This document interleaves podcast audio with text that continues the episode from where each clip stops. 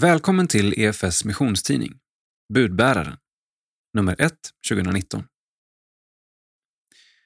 På framsidan ser vi en man koncentrerad med att måla ikoner och rubriken I dialog med himlen. I ikoner och tidebön fann Robin ny livsrytm.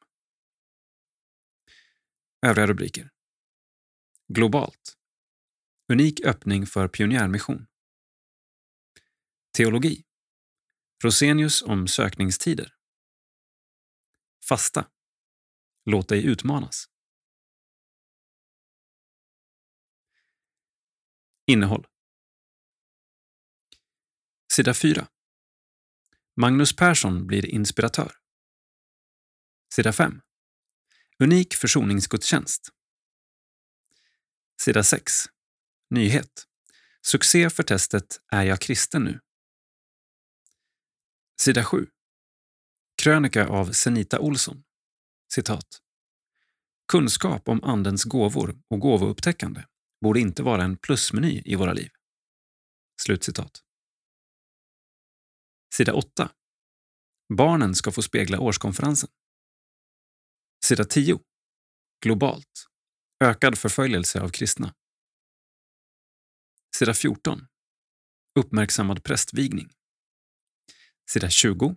Karismatik. Erik Johansson om pionjärmission. Sida 26. Teologisk reflektion om gåvor och tjänster. Sida 28. Teologi. Vad är sökningstider? Sida 32. Robin Johansson målar, ber och reflekterar. Sida 42. Läsning. Boktips och recensioner. Sida 46. Insändare. Präst eller prästvigd för EFS. Sida 49. Info. Nytt och aktuellt inom EFS och SALT. Sida 54. Fasta. EFS startar fastekampanj. Sida 56. Bial. Resan som gav nya perspektiv. Sida 58. EFS distrikt Västsverige. Sida 60. EFS distrikt Norrbotten. Sida 62. Nytt i livet. Och sida 65. Salt. Låt Guds kärlek bli vår kärlek. Krönika av Elin Redin. Sida 3. Ledare. I väntan på regnet. Jag älskar historia, inte minst kyrkohistoria. En anledning till det är nog att man alltid har ett facit och utifrån det kan analysera och förstå skeenden och sammanhang. Det är betydligt svårare att förstå sin samtid. Vad är det som händer just nu som kommer att få en avgörande betydelse för de kommande åren? Vad kommer finnas med i framtidens historieböcker? Många stora saker börjar ofta i det lilla och oansenliga. Och jag tror att det är så även i Guds rike. Det är alltför lätt att vi föraktar den ringa begynnelsens dag, Sakarja 4 och 10, av den enkla anledningen att den går oss så lätt förbi. Bibeln är full av talande bilder om just detta, men det är speciellt ett bibelord som kommer tillbaka till mig när jag tänker på det som sker i vår rörelse just nu. Elia sa till Ahab, bryt upp, ät och drick, för jag hör suset av regn. Då reste sig Ahab upp för att äta och dricka. Men Elia steg upp på Karmels topp och böjde sig ner mot marken med ansiktet mellan knäna. Han sa till sin tjänare, gå upp och se ut mot havet. Han gick då upp och såg ut över havet, men sa, jag ser ingenting. Sju gånger sa han till honom att gå tillbaka. När han kom dit sjunde gången sa han, se, ett litet moln som en mans hand stiger upp ur havet. Då sa han, gå och säg till Ahab, spänn för och far ner så att inte regnet håller dig kvar. I ett nu blev himlen mörk av moln och storm och ett kraftigt regn föll. Första Kungaboken 18 och 41-45. Tjänaren fick spana sju gånger innan han såg det lilla oansenliga molnet. Det är lätt att ge upp när de första spaningarna inte ger något resultat och det kräver andlig urskiljning att förstå att det lilla molnet faktiskt är den stora stormen, om än i sin linda. Därför tror jag att det finns mer än ett litet moln beskrivet i detta nummer av budbäraren. Som till exempel pionjärmission, otippade prästvigningar och att de lokala EFS och ELM-föreningarna i Örkelljunga firar försoningsgudstjänst. Allt till Kristi ära. Johan Eriksson, chefredaktör Budbäraren. Sida 4. Kortnytt. Magnus Persson blir EFS-inspiratör. Kan se rörelsen med nya och friska ögon. Från årsskiftet arbetar Magnus Persson som inspiratör och koordinator med 50% anställning via EFS centralt. Under 20 år har jag kombinerat föreståndarskapet i United med flera andra uppdrag i Guds rike, både nationellt och internationellt. Med denna nya tjänst har det öppnats en möjlighet för mig att utifrån en bredare plattform ägna mer koncentrerad tid åt att få betjäna fler sammanhang, förklarar Magnus. Magnus kommer i sin roll som inspiratör att resa en hel del och bidra med förkunnelse, undervisning och mentorskap i rörelsen. Han kommer att fortsätta sin tjänst i United på 50% parallellt med tjänsten i EFS. Magnus prästvigdes den 27 januari i Lunds domkyrka. Se bildreportage på sidan 14. Magnus utvecklar sina tankar kring sitt nya uppdrag. Jag är inte född in i EFS utan har dragits till rörelsen utifrån en teologisk och kyrklig upptäcktsresa. Det innebär både en del begränsningar, men kanske ännu fler fördelar. Framförallt förmågan att se rörelsens möjligheter och tillgångar med nya och friska ögon. Att finna balansen mellan att frimodigt förvalta sitt rika arv samtidigt som man med urskiljning uppdaterar sig och förenar det med viktiga bidrag från övriga kristenheten. Min personliga övertygelse är att EFS äger en unik och viktig position i svensk kristenhet. Som en inomkyrklig missions och väckelserörelse i Svenska kyrkan ser jag EFS som ett slags helkyrklighet som rymmer och förenar omistliga bidrag från flera olika traditioner kring ett tydligt reformatoriskt centrum. En av mina uppgifter kan därför bli att uppmuntra och stärka den teologiska identiteten och självkänslan inom rörelsen. Kerstin Oderhem, EFS missionsföreståndare, kommenterar nyanställningen. EFS vision är att se människor och samhällen förvandlade av Jesus och vi bygger ett team som vi tror kan få vara katalysatorer och inspiratörer för detta. Vi ser fram emot att Magnus blir en del av teamet som jobbar med vårt nationella arbete.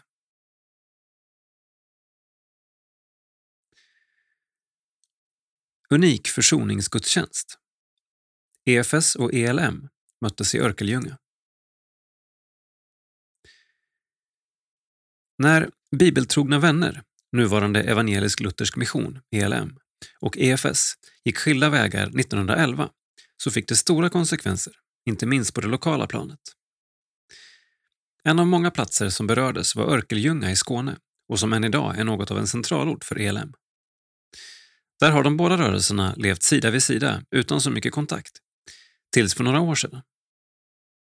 Numera firas både gemensamma lovsångsgudstjänster och ett samarbete kring ungdomsarbetet spirar. Eva-Lotta Kjellberg, präst i EFS i Örkelljunga, tog för ett par år sedan kontakt med Torgny Yngvesson, lokal ordförande i ELM, med en tanke på en lokal försoningsprocess. Sedan inleddes en process där en arbetsgrupp och även styrelserna träffades, vilket ledde fram till att man möttes i en försoningsgudstjänst söndagen den 9 december i fjol. Där bad man en gemensamt formulerad bön om försoning, där bland annat följande formulering ingick. Vi ber om förlåtelse för brist på kärlek. Vi bekänner att vi ofta har handlat i högmod och själviskhet. Vi har tänkt mer på oss själva än på ditt rike och din heliga vilja.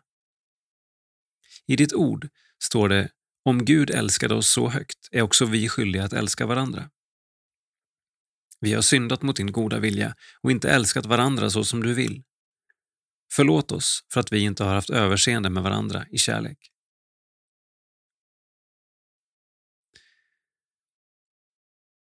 EFS praktikantprogram höstterminen 2019. Till hösten lanserar EFS ett praktikantprogram som riktar sig till dig som vill åka ut som volontär och fördjupa ditt lärjungaskap.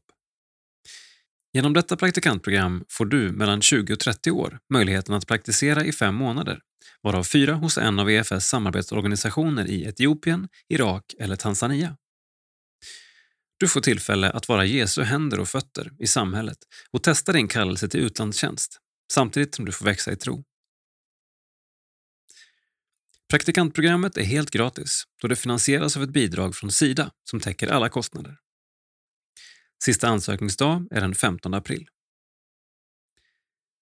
Läs mer på efs.nu praktikantprogram. Sida 6. Nyhet. Stort genomslag för testet Är jag kristen nu? Även doktorer i teologi har blivit underkända. Det började med en enkel idé och slutade med succé. Webbtestet Är jag kristen nu? som vill peka på orättvisor gentemot kristna konvertiter har nu genomförts av över 100 000 unika användare. Det var helt utanför våra tankar att det skulle få så här stor genomslagskraft, konstaterar Andreas Lundström.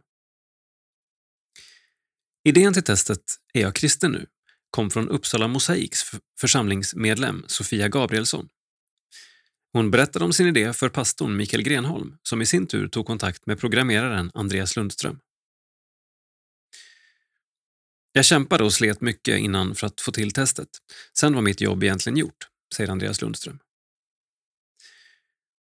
Testet går ut på att svara på liknande frågor som Migrationsverket ställt till konvertiter. Vilket till och med för den inbitne kristne har visat sig innehålla både irrelevanta och orättvisa frågor. Biskopar, samfundsledare och doktorer i teologi har alla vittnat om att de misslyckades. Det säger något om vad folk som kallar sig kristna kan om de här ämnena som Migrationsverket föreställer sig att konvertiter ska kunna, säger Lundström. Genomslagskraften har varit mycket stor och såväl kristna medier som riksmedier uppmärksammade detta omgående. Totalt sett har testet genomförts av över 100 000 personer. Det är långt över förväntan och väldigt roligt. Nu hoppas vi på fler ringar på vattnet och att detta ska komma upp på regeringsnivå. Det är först där som någon förändring kan ske på det här området. På arjagkristen.nu kan du själv genomföra testet.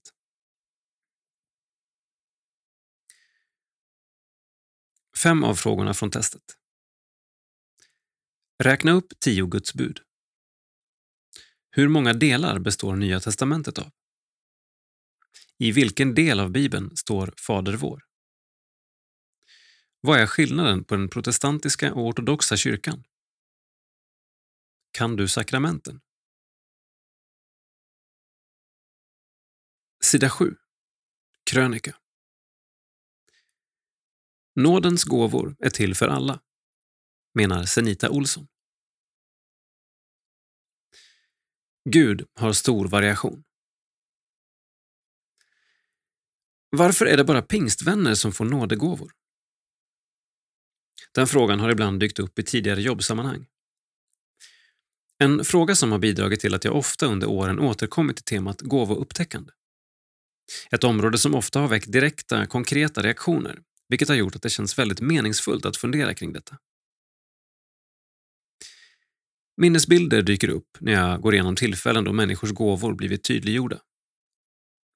Till exempel hon som tyckte det var självklart att ge bort mycket.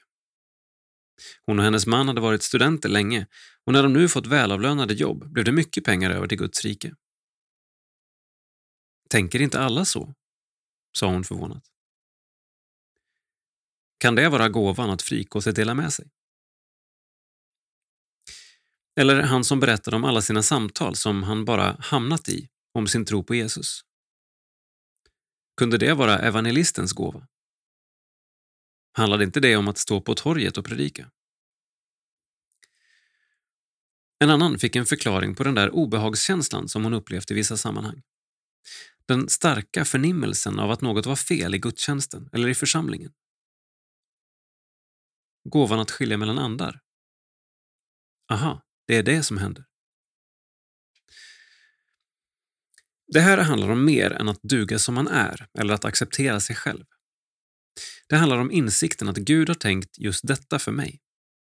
Jag är designad för detta. Gud har bruk för mig. Det är evangelium att få förmedla att nådens gåvor är till för alla och att det finns utrymme för stor variation i gåvorepertoaren. Mycket större variation än de sju eller nio jag fick lära mig om i min ungdom. Kunskap om Andens gåvor och gåvoupptäckande borde inte vara en plusmeny i våra liv. Det borde höra till kunskap som alla som växer upp i en kristen gemenskap får med sig från början. I alla sammanhang där vi ser lite mer av varandras personlighet finns möjligheten för oss alla att bekräfta varandras gåvor. Inte med tvärsäkerhet, utan med ödmjukhet som ger utrymme för den andres egen upplevelse. Det finns ett litet men i upptäckarglädjen. Den drar åt ett visst håll. Under åren har jag mött många med tjänandets gåva, med undervisningens gåva, med tröstens eller gästfrihetens gåva. Däremot har jag mött mycket få profeter med gåvan att hela eller tala kunskapens ord, för att ta några exempel. Beror det på att EFS-are sällan får den typen av gåvor? Nej, jag tror inte Gud gör skillnad på människor utifrån församlingstillhörighet när gåvorna fördelas. Däremot gör vi skillnad på vad vi ger plats för. Hur ser det ut med tillfällen i vår rörelse att pröva om jag har profetians gåva? Hur får de med förbönens gåva utbildning? När kan vi öva att använda kunskapens ord? Tolka tungotal? Det är svårt att upptäcka, än mindre lära sig praktisera, det som vi aldrig talar om eller tänker in. Gud har stor variation, men vi har mindre av den. Senita Olsson, präst i Vasakyrkan, Umeå. Sida 8. Årskonferensen. Barnen är vår nutid. Det är nu vi måste se och möta våra barnfamiljer, inte senare, säger Nanne Näslund inför EFS årskonferens i Örnsköldsvik. Text Jakob Arvidsson. Bild Marcus Holmström. Nanne Näslund jobbar som saltkoordinator i Mittnorrland och är med i planeringsgruppen inför EFS årskonferens. Nanne ansvarar särskilt för barnens konferens som i år har temat Jesus till alla. Det pratas ofta i olika sammanhang om att barnen är vår framtid. Men jag vill hellre lyfta fram att de är vår nutid. Vår vision med barnens konferens är att vi ska se varje barn. Att de ska ha roligt och lära känna Jesus, säger hon. Nanne brinner för att fler barnfamiljer ska tycka att årskonferensen är relevant. Vi vill väcka liv i EFS genom att inspirera och peppa fler barnfamiljer att vilja komma hit. Årskonferensen ska finnas till för hela familjen. Då måste vi också visa att vi menar allvar genom att låta barnen vara i centrum. Barnen ska få vara en synlig och självklar del av konferensen från start till mål. Nanne är väl medveten om att många EFS-are har långt att åka till årskonferensen, oavsett var i landet den är. Men hon menar att avstånd och praktiska hinder suddas ut av de värden som finns med att vara närvarande och tillsammans. Min övertygelse är att det är viktigt att barn från olika håll får träffas och se ett nytt sammanhang. Se att vi är fler och får vara tillsammans. Barnen kan till exempel få kristna kompisar som de senare i livet kommer att träffa på andra arrangemang som SALT och EFS arrangerar säger Nanne och fortsätter. Vi vuxna har så mycket att lära av barnen och min dröm är att vi alla ska förstå hur viktiga de är och att barnen verkligen ska få spegla konferensen. Bredvid Nannes kontor sitter EFS regionala missionsledare Mikael Artursson som även han har fullt upp med åtagandet att arrangera årskonferensen. Det finns mycket att vara förväntansfull inför och just nu går det väl inte en dag utan att vi på något sätt jobbar med konferensen. Vi är verkligen i full gång och jag tycker att vi har nått väldigt långt med att hitta ansvariga personer och ledare. Så jag känner mig trygg, även om det är mycket att göra, säger han med sin lugna dialekt. Årets konferens kommer bland annat att få besök av Arne G Skagen från Norge samt School of Jazz från Addis Abeba, Etiopien. Arne har ett unikt tilltal när det gäller att få Guds folk på fötter. Han är mycket bra på att uppmuntra och rusta församlingar. Det känns också superkul att få välkomna School of Jazz som vi medarbetare i EFS fick äran att träffa på medarbetardagarna i Addis för ett par år sedan. Först måste evangeliet förkunnas för alla folk, är temat för årets konferens, vilket är hämtat från Jesu egna ord i Markus 13.10. Som rörelse är vi i en spännande tid där vi under förra året klargjorde vår vision. Jag hoppas att den här helgen på nytt ska få beröra oss och få oss att förstå att EFS har ett angeläget uppdrag. Barnens konferens Barnens konferens med temat Jesus till alla kommer att hålla sina kvällsmöten i EFS-kyrkan i Örnsköldsvik. På dagarna kommer barnen 0 6 år hålla till på Pingstkyrkan och i barnlokalerna i EFS. De äldre barnen, sju år och uppåt, åker ut och har lägerdagar på EFS-gården Prästänget.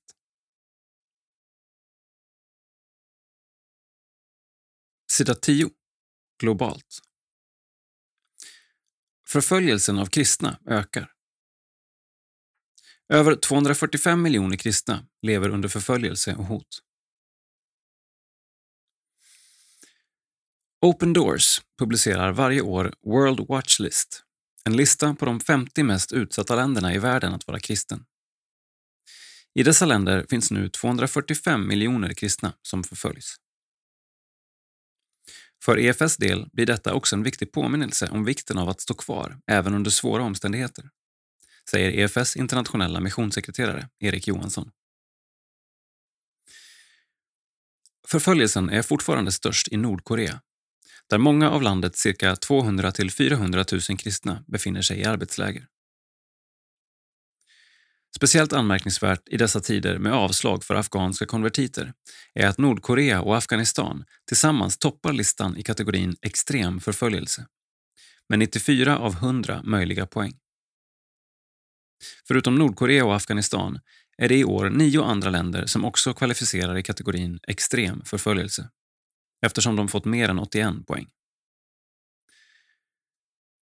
Ett exempel på ökad statlig religiös förföljelse och kontroll är Kina, där nya regler för religiös verksamhet fastställdes den 1 februari 2018. Dessa innebär bland annat att kyrkor har tvingats sätta upp varningsskyltar vid ingångarna som förbjuder personer under 18 år att gå in. Min första reaktion är att det är en dyster läsning. Det här är det i särklass svåraste året sedan mätningarna startade, säger Peter Paulsson, som är generalsekreterare för den internationella missions och människorättsrörelsen Open Doors. Erik Johansson kommenterar listan så här. Flera av EFS systerkyrkor och samarbetspartners finns i några av de länder som kommer allra högst upp på World Watch List. På det sättet blir också listan ett slags bekräftelse på att EFS finns just där vi ska finnas. Nämligen bland kristna syskon som lever under förföljelse och hot.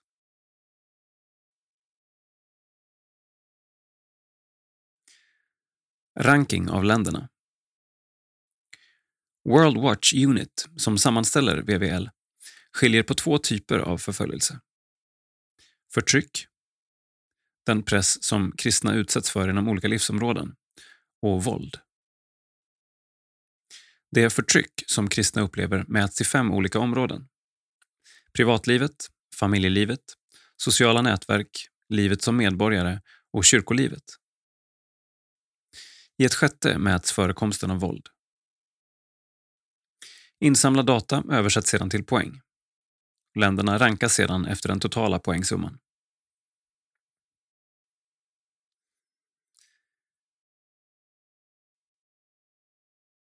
Länderna med svårast förföljelse. 1. Nordkorea 2. Afghanistan 3. Somalia 4. Libyen 5. Pakistan 6. Sudan 7. Eritrea 8. Jemen 9. Iran 10. Indien 11. Syrien Sida 13. Bial 263 miljoner barn går inte i skolan, enligt Unicef.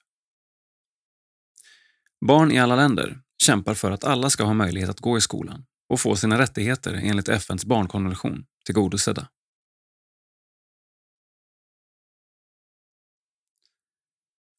Varför?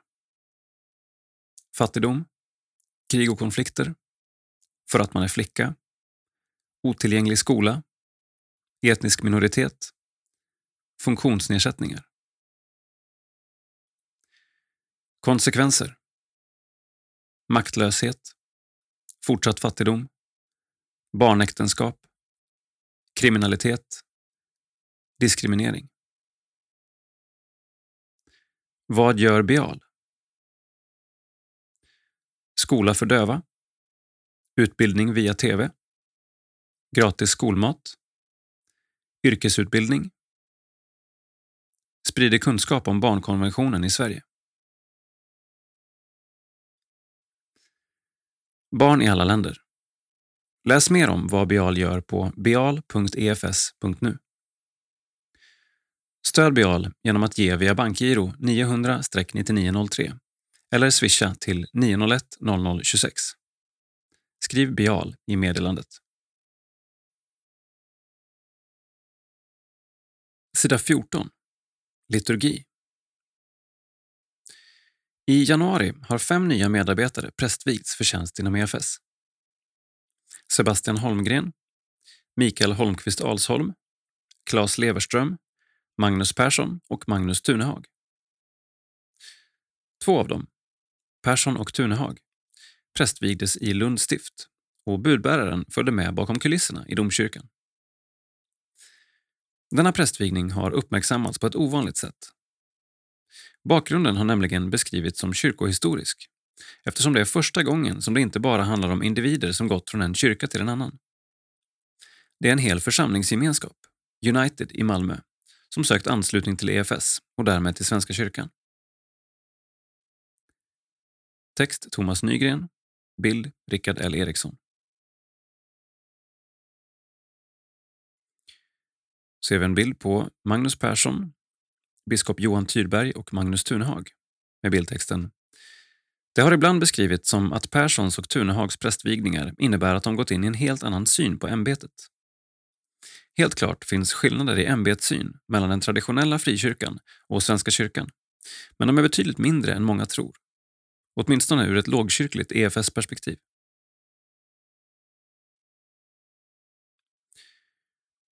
En prästvigning innebär först och främst att en person avskiljs för att vara en Guds ords tjänare. Verbi divini minister. Det är ett gudagivet uppdrag och ett ansvar att förkunna Guds ord rent och klart.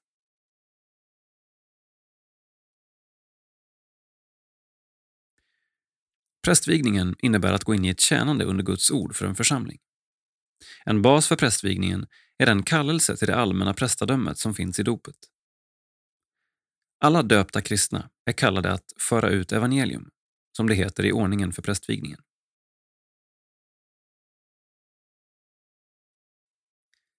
Prästen har ansvar för att sakramenten förvaltas rätt. Det innebär dock inte att prästvigningen i sig gör att dop och nattvard blir giltiga. Prästvigningen innebär på det sättet inte någon ny kvalitet som den prästvigde automatiskt får. Även om vi tror att Gud utrustar genom den förbön som sker vid prästvigningen.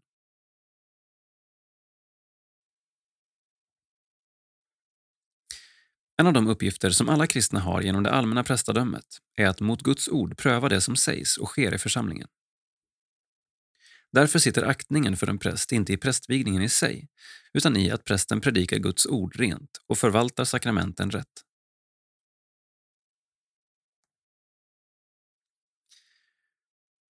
Det ni nu läst om stämmer med de flesta frikyrkors synsätt. Allt man behöver göra är att justera vokabulären något. Prästvigningen av Magnus Persson och Magnus Tunehag innebär därför inte så mycket att de blivit något som de inte tidigare varit, som att de nu gått in i en ny kyrka med samma uppdrag som tidigare. Att leda, förkunna, döpa och dela ut nattvard. Och därför fått ta emot förbön och avge löften i detta nya sammanhang.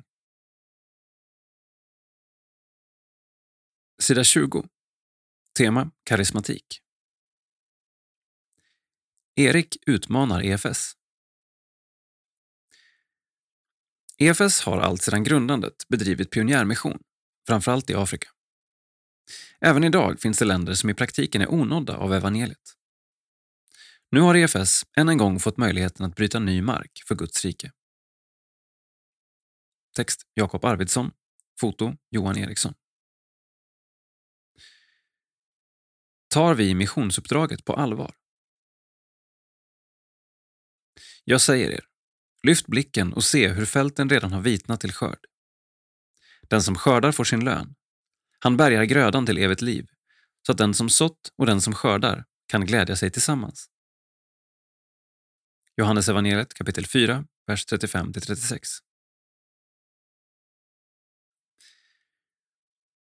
På nära håll har Erik Johansson, EFS internationella missionssekreterare, fått följa processen när en församling grundas i ett land där all kristendom i praktiken är förbjuden.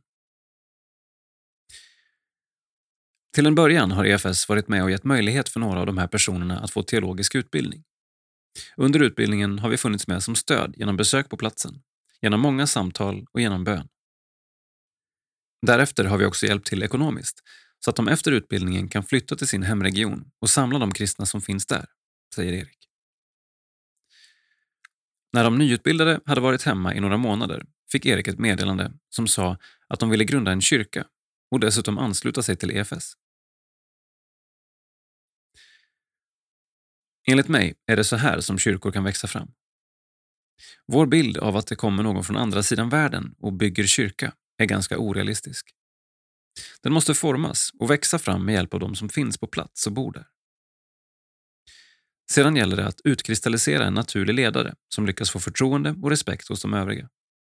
En som kan medla, uppmuntra, trösta, säga ifrån i lagom dos och som har en egen integritet. Glädjande nog har de ledare som vi varit med och utbildat, stöttat och uppmuntrat visat upp precis dessa egenskaper. Människorna i den här lilla församlingen om cirka 30 personer har ingen kyrkobyggnad att gå till och kan inte vara öppna med sin tro. Flera av dem går fortfarande till moskén för att inte väcka någon misstanke bland nära och kära. Från dessa kristna syskon kan vi lära oss så mycket om överlåtelse och hängivenhet. De lever i en enorm utsatthet, men de har samtidigt förstått hur oerhört dyrbart evangeliet om Jesus är. Det är insikten om evangeliets betydelse som skapar den hängivenhet som deras vardag kräver. Deras tro är så viktig för dem att de är beredda att ge upp allt annat, till och med livet om det skulle vara så. En naturlig fråga som dyker upp är hur dessa frön till omvändelse såddes från början. Hur får man för sig att bli kristen i ett land där alla andra tror och verkar för något annat? För en av våra vänner hade Jesus uppenbarat sig i en dröm på natten. Inte bara en natt, utan gång efter gång hade Jesus talat till honom genom drömmar. Inte förrän efter några gånger kunde han fråga ”Vem är du?” och fick då förklarat för sig att det var Jesus, säger Erik och fortsätter. Det blev början på en lång process att söka fakta om Jesus, att ta reda på vem han är, vad han står för, försöka få tag i en bibel och försöka få kontakt med andra kristna över internet. Självklart följer också många funderingar som Är jag kristen nu? Vill jag det här? Och vad kommer det att kosta mig?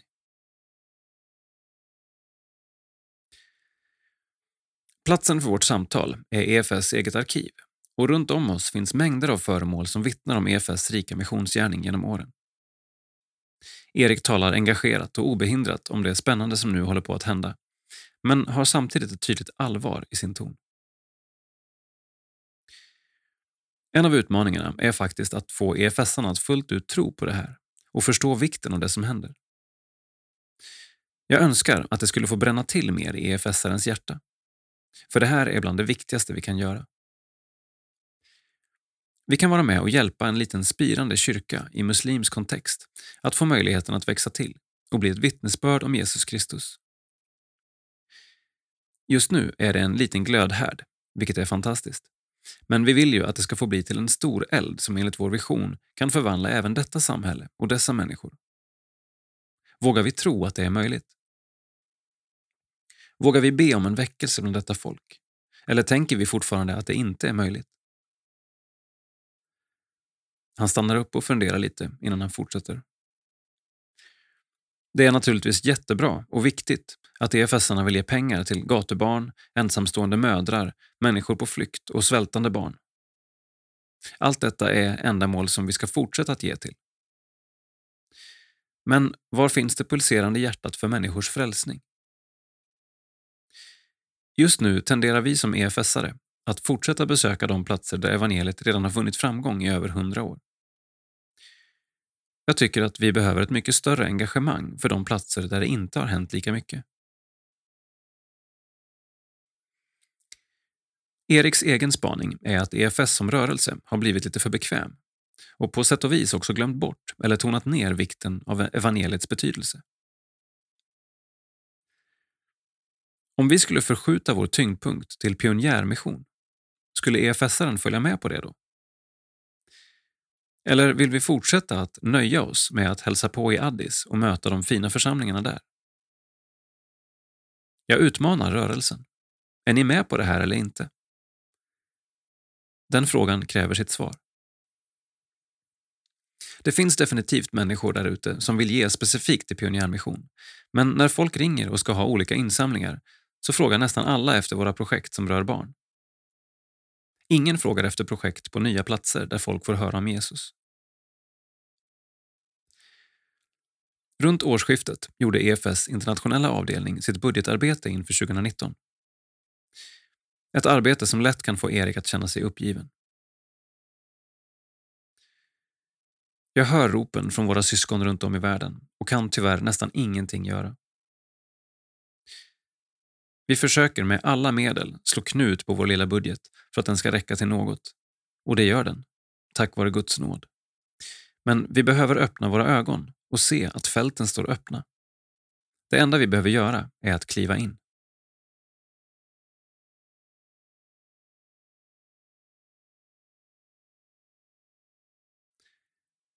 Vad kan EFS göra? Vad kan vi göra rent konkret med mer resurser?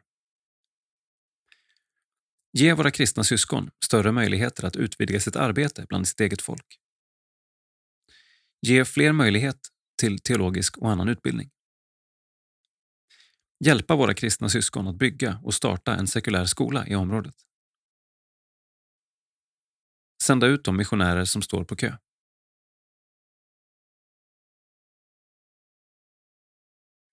Sida 26. Teologisk reflektion. Om gåvor och tjänster. Tjänstegåvorna handlar inte om att förverkliga oss själva, utan om att förenas med Guds intressen för världen, skriver Kristoffer Abrahamsson. Text Kristoffer Abrahamsson, illustration Istock. När profeten Johannes i sin fängelsecell börjar tvivla på vem Jesus egentligen är sänder han iväg några av sina efterföljare till Jesus med en fråga. Är du den som ska komma, eller ska vi vänta på någon annan? Matteus 11 och 2. Vad skulle du svarat om frågan var riktad till dig? Om någon ifrågasatte dina gåvor eller din titel? Jesus säger Gå och berätta för Johannes vad ni hör och ser. Att blinda ser och lama går, spetälska bli rena och döva hör. Döda står upp och fattiga får ett glädjebud. Matteus 11 och 4-5.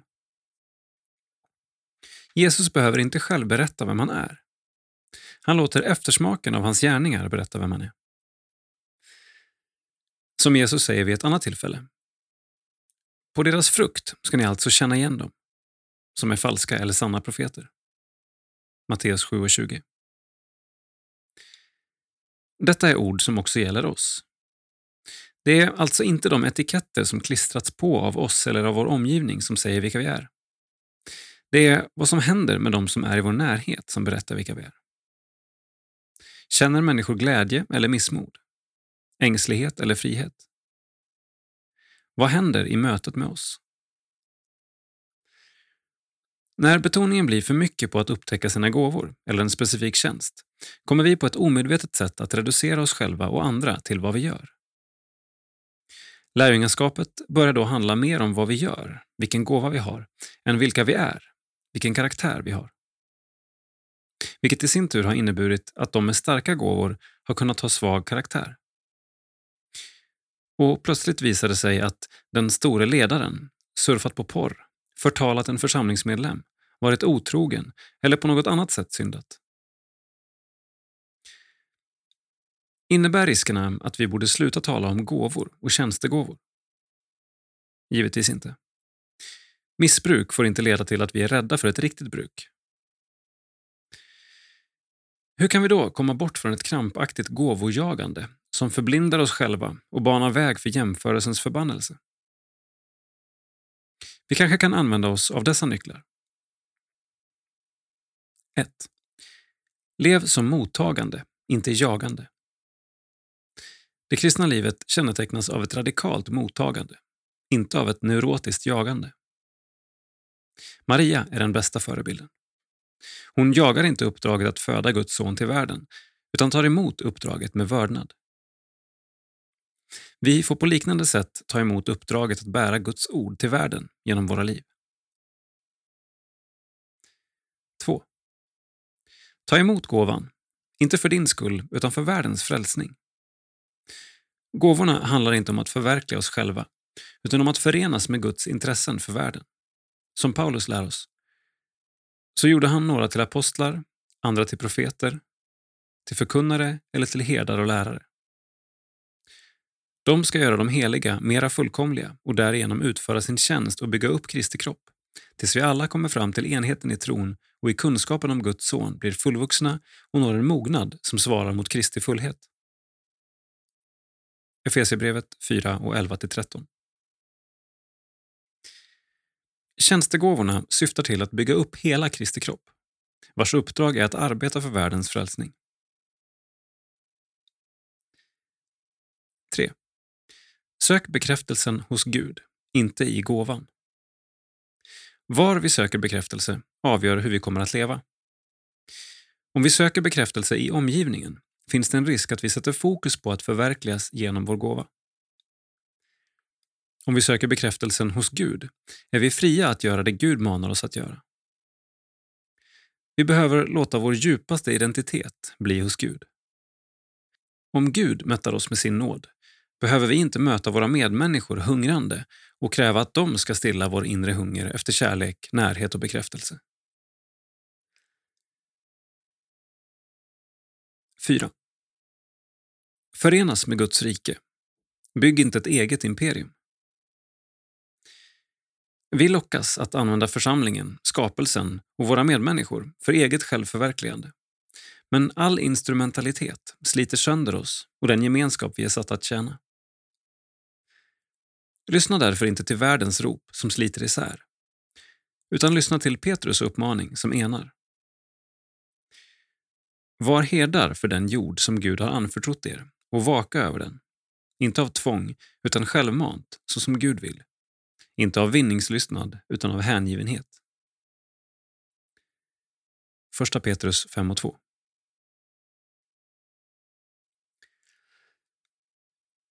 De gåvor och tjänster som Bibeln talar om är inte belöningar för goda prestationer, utan ett utväljande av Gud för kyrkan och ytterst sett för den här världens skull. Våra gåvor och förmågor är inget problem, så länge vi inte tillber dem. Problemet är att gåvorna och titlarna ofta gör oss eller vår omgivning blinda. Därför behöver vårt fokus förskjutas från gåvor till karaktär. Från resultat till långsiktig eftersmak. Från självförverkligande till självförglömmelse. Då kan vi åter börja förvalta våra gåvor med rätt perspektiv, till Guds ära.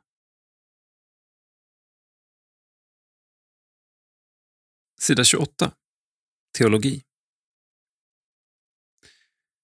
Sökningstider. Vad är det? Talet om sökningstider, som Rosenius drev, är djupt bibliskt, läromässigt sunt och, rätt använt, befriande själavård, skriver Thomas Nygren. Text Thomas Nygren. Illustration Jonathan Knutes.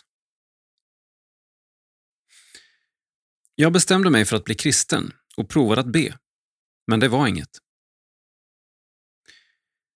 Ungefär så sa en av mina vänner till mig under gymnasietiden. Han deklarerade sedan att detta med kristen tro inte var något för honom. Det fungerade ju inte. Men frågan är om människan har en sådan typ av fri vilja att hon bara kan bestämma sig för att tro och att det fungerar.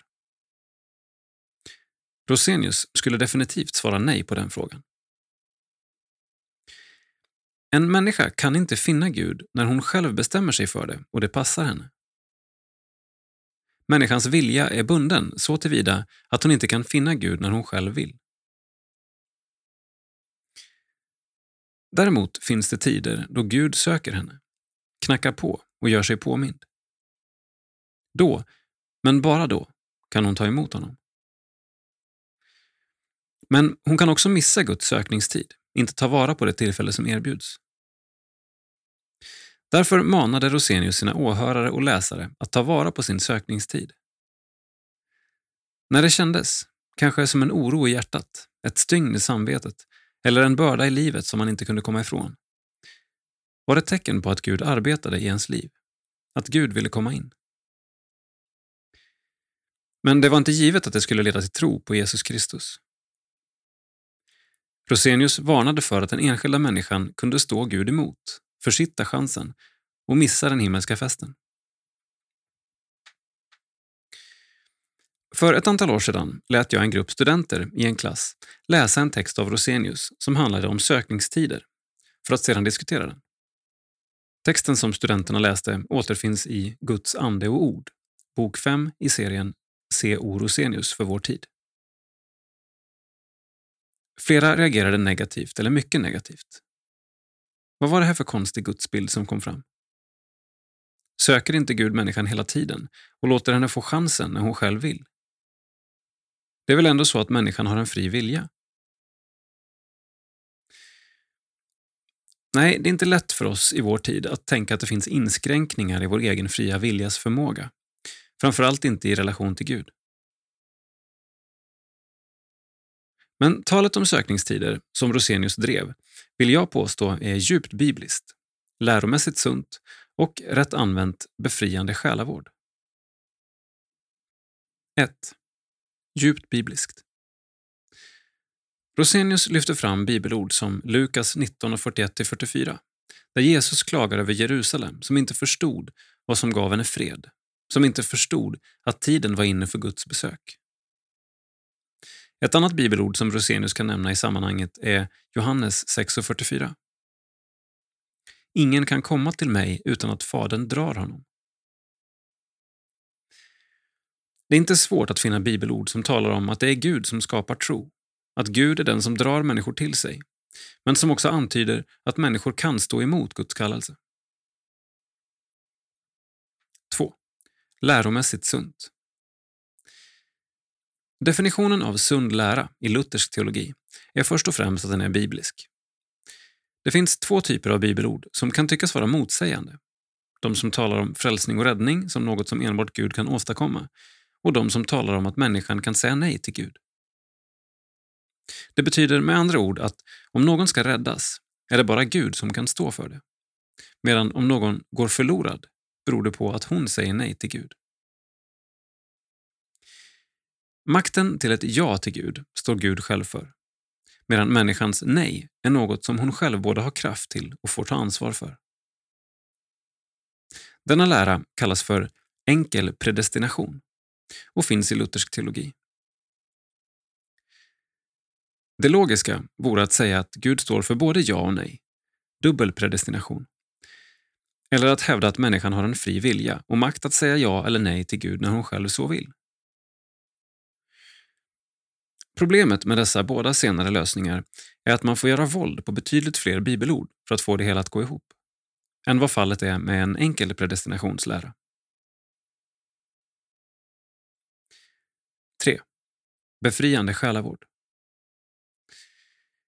I det kristna sammanhang som är medvetet om detta kommer man att vara känslig för när och hur man ställer omvändelsefrågan. Det är ingen idé att trycka på en människa som inte är sökt, allt man åstadkommer då kan bli en form av andligt övergrepp där man pressar fram en bekännelse som inte är mogen att födas fram. Blir det ett nytt liv, trots allt, finns stor risk för förlossningsskador. Ett kristenliv som blir skevt för att det pressades fram och inte föddes fram. Nej, istället får man försöka utsätta den som ännu inte är sökt för nådemedlen, budskapet om vem Jesus är och vad han gjort och lita på att Guds ande verkar. När sökningstiden är inne kommer den.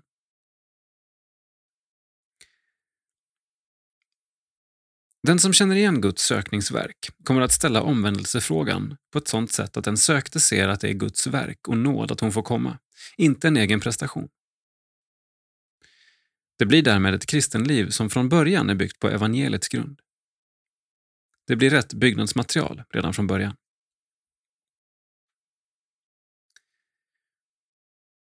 En dubbel predestinationslära kommer kanske inte att ha någon omvändelseappell alls. Det är ju Gud som står för både ja och nej hos människan i detta synsätt. Den som tror att det handlar om ett helt fritt val kommer inte att ha några bromsklossar mot att köra på hårt och pressa fram en omvändelse. Har människan en fri vilja i frälsningsfrågan blir det ju till sist enbart en fråga om argumentation och övertalning. En enkel predestinationslära kommer att ha en omvändelseappell men samtidigt veta att den inte innebär att det är människan själv som skapar sin tro. Det betyder att man söker tajma appellen med Guds andes verk. En väsentlig dimension i omvändelseappellen blir också att mana till att inte stå Guds verk emot. Att ta vara på möjligheten när man känner att Gud kallar. Talet om sökningstider är inget annat än en praktisk tillämpning av en luthersk lära om enkel predestination. Kanske en idag många gånger bortglömd del av den lutherska läroskatten. Sida 32. Kultur. Porträtt. Ikonen. En dialog mellan himmel och jord. Text Kristoffer Skogholt Bild Johan Eriksson. På Antoniusgården utanför Lidköping har Robin Johansson sin ikonverkstad där han målar ikoner till församlingar runt om i Sverige. Men hur kommer det sig att en grafisk formgivare med rötter inom trosrörelsen kom att tillbringa sina dagar med att måla ikoner på heltid i en klosterliknande tillvaro?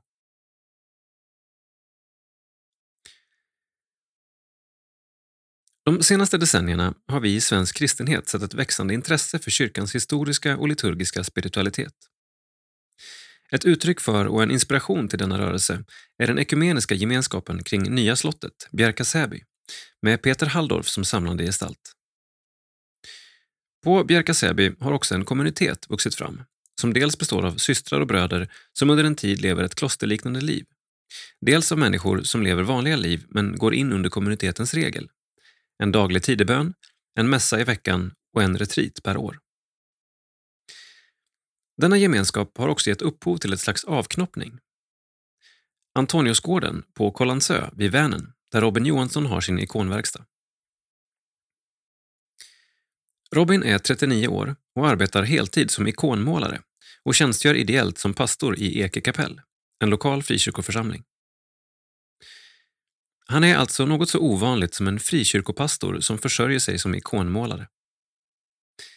Detta, om något, måste sägas vara ett tecken på den ekumeniska rörelse som beskrevs ovan.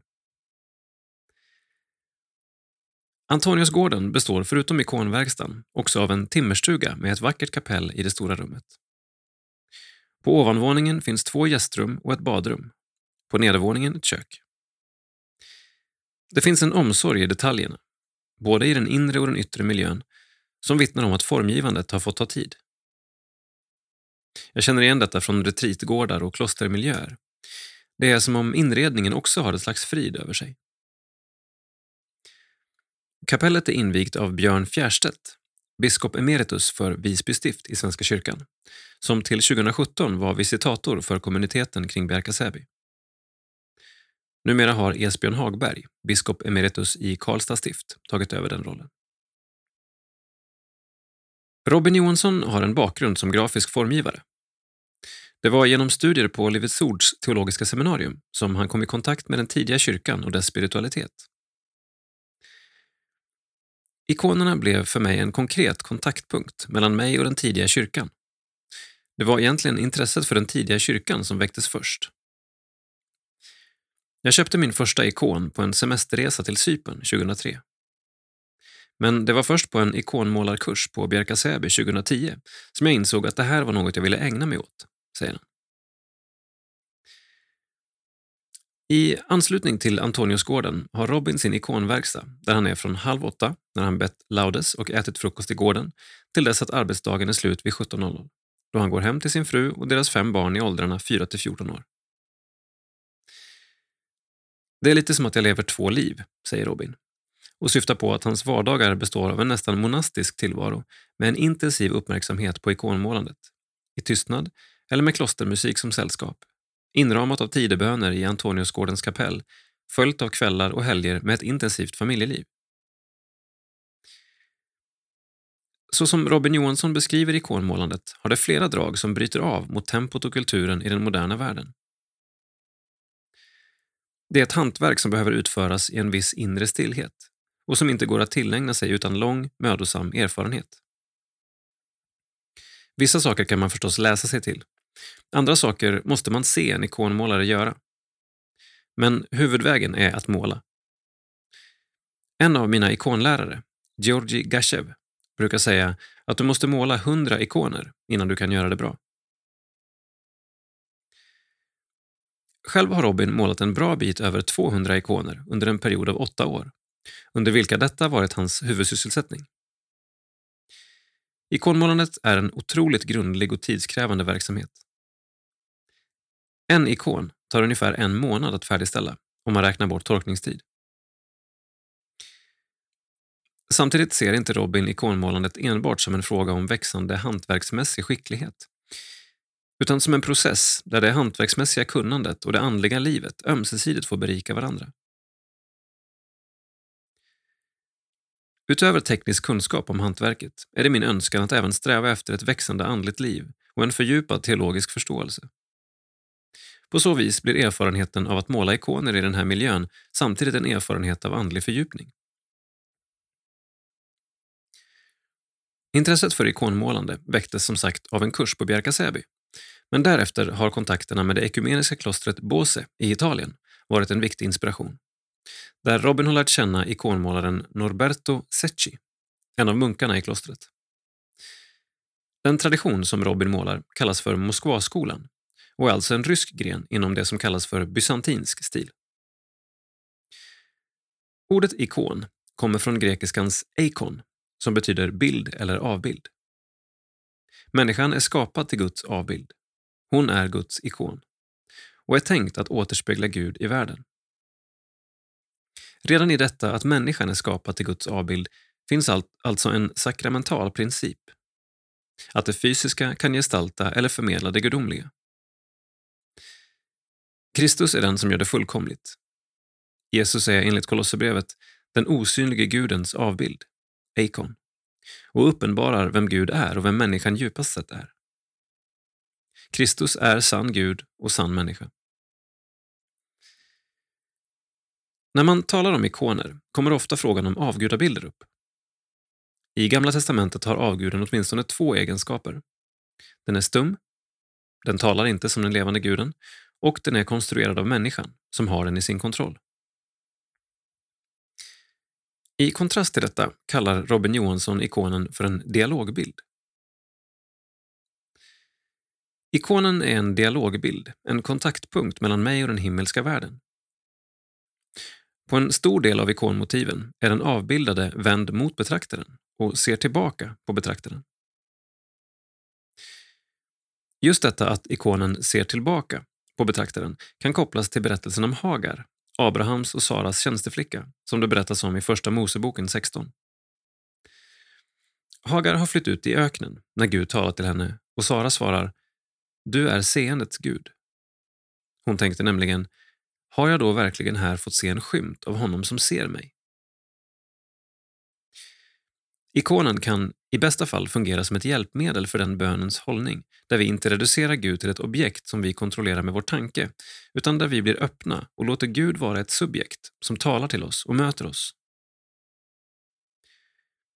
I ett avsnitt av Text och musik på P2 talade Erik Schult om det nyfödda barnet Blick som tycks veta mer om mig än jag själv gör.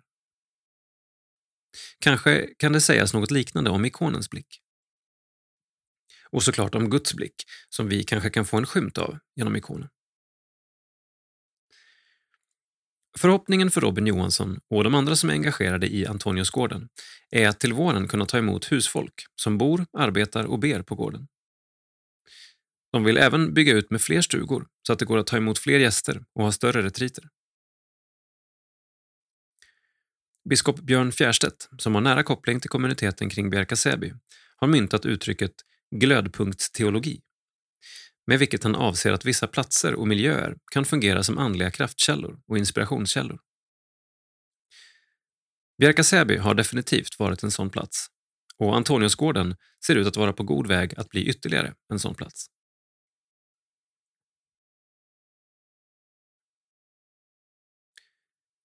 Robin Johansson Yrke Ikonmålare, ikonograf Familj Frun Lisa och fem barn. Verksam på Antoniusgården vid Vänern. Strävar efter ett växande andligt liv och fördjupad teologisk förståelse. Kuriosa. I augusti 2014 målade han sin hundrade ikon. Sida 42. Kultur, läsning. Andlig vägledning för andliga ledare. Magnus Malms bok om ledarskap ger både fakta och praktisk handledning. Fri att tjäna. Ledarskap i Jesu efterföljd. Magnus Malm. Artos och Norma 2018. Recension. Det är alltid lika spännande att ta sig an en ny bok av Magnus Malm. Visserligen är det mycket som känns igen, men det finns också alltid något nytt. Detta gäller i hög grad Malms senaste, Fri att tjäna, ledarskap i Jesu efterföljd.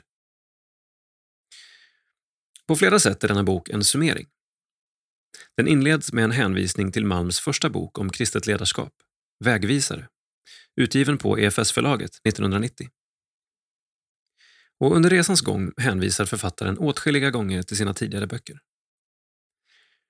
Budskapet är också lätt att känna igen. Kallelsen kommer först, sändningen kommer sedan. Kallelsen är till Jesus, inte till arbete.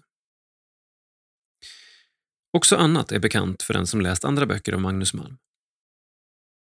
Det gäller till exempel hans hänvisningar till andliga ledare i historien, inte minst Ignatius av Loyola. Det gäller kombinationen av djup fromhet och medveten samhälls och kyrkokritik. Det finns alltid ett profetiskt drag i Malms texter, ett genomskådande drag som utsätter varje läsare för nyttig självprövning och reflektion. Och så visdomsorden, sentenserna som stillsamt lyser till vid läsningen. Ibland är Malms textrader nästan som meditationsord att stanna upp inför. Redan i det första kapitlet finns en sådan rad som jag i min läsning markerat. Sanningen är vår enda möjliga kontaktyta med Gud. Eller hans definition av ödmjukhet. Den resoluta vägran att sätta sig på Guds plats. Eller om bönen som ett sätt att tala vuxet med Gud om hur det känns och vad jag tänker. Detta i motsats till den förutsägbara bönekvarnen. Fri att tjäna är på en och samma gång en faktafylld bok om ledarskap och en praktisk handledning. Många års erfarenhet av själavård, retreatledarskap, föredragshållande och andlig läsning lyser igenom. Detta är inte teorier tagna ur luften eller floskler hämtade från ledarskapskursernas populära utbud. Det är bibelförankrad undervisning. Det är andlig vägledning.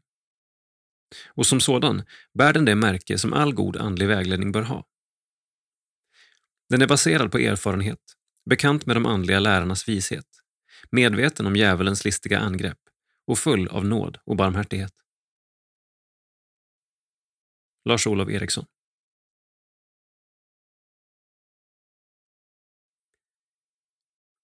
Handfasta råd till präster. Överlevnadsguide för präster. Handfasta råd från en utmattad kollega. Matilda Nyman. Argument 2019 Recension. Präster tillhör en grupp i samhället som har hög risk att bli sjukskriven på grund av sitt arbete. Den vanligaste orsaken är psykisk ohälsa, oftast utmattningssyndrom med stressrelaterade orsaker.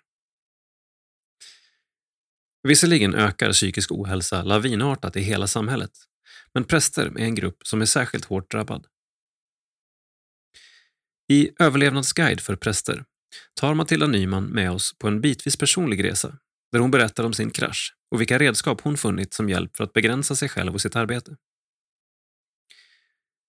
Undertiteln Handfasta råd från en utmattad kollega förklarar bokens intention väl. Boken avverkar ett flertal tips som handlar om att sätta ramar för arbetet. Förr i tiden begränsades vi naturligt på många sätt. Vi var där vi var och fick nöja oss med det. Nu, främst på grund av våra smartphones som gör oss tillgängliga dygnet runt, behöver vi hitta sätt att begränsa oss då samhället är gränslöst.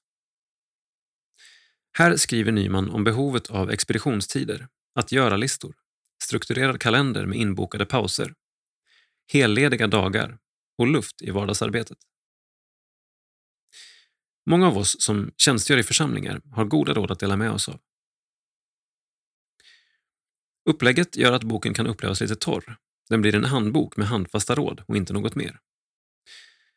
Nyman lever upp till sin intention att ge råd, men råden behöver prövas och det goda får behållas.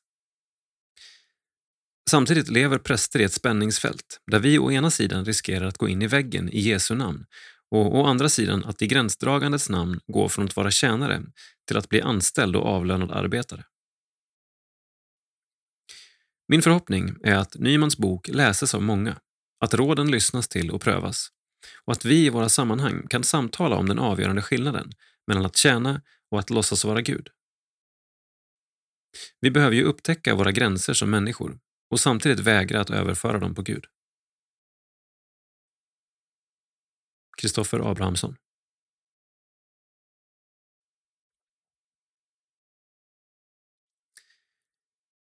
Karl Olof Rosenius betydelse, regionalt, nationellt och internationellt. Daniel Lindmark, redaktör. Luleå stifthistoriska sällskap, 2018. Recension. Luleå stifthistoriska sällskap har gett ut boken med anledning av 150-årsjubileumet av Rosenius död. Boken är skriven av flera skribenter med gedigna kunskaper om Rosenius och en mångfacetterad bild av hans liv målas upp.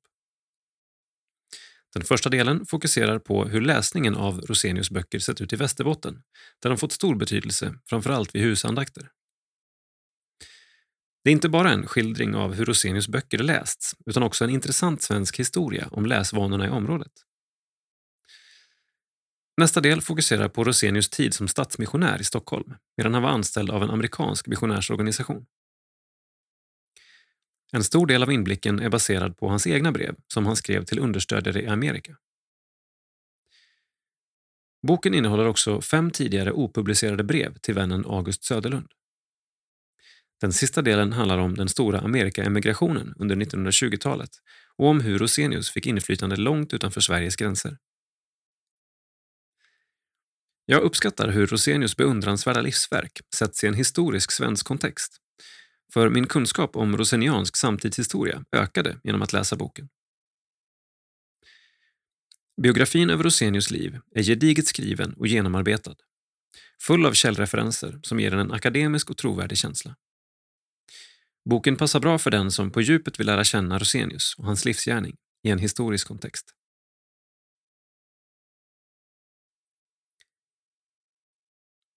Om stenarna kunde tala i Palma de Mallorca Anita Goldman. Natur och kultur 2019. Boktips.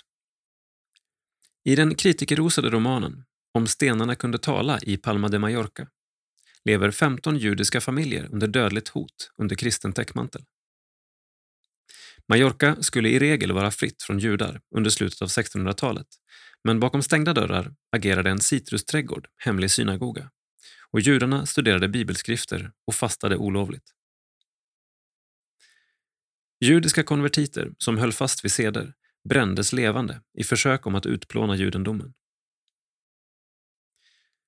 De fasansfulla händelserna i Anita Goldmans prosa utspelade sig i turiststaden Palma 1691 och beskriver tortyren, förhören och straffen som de kristna judarna utsattes för.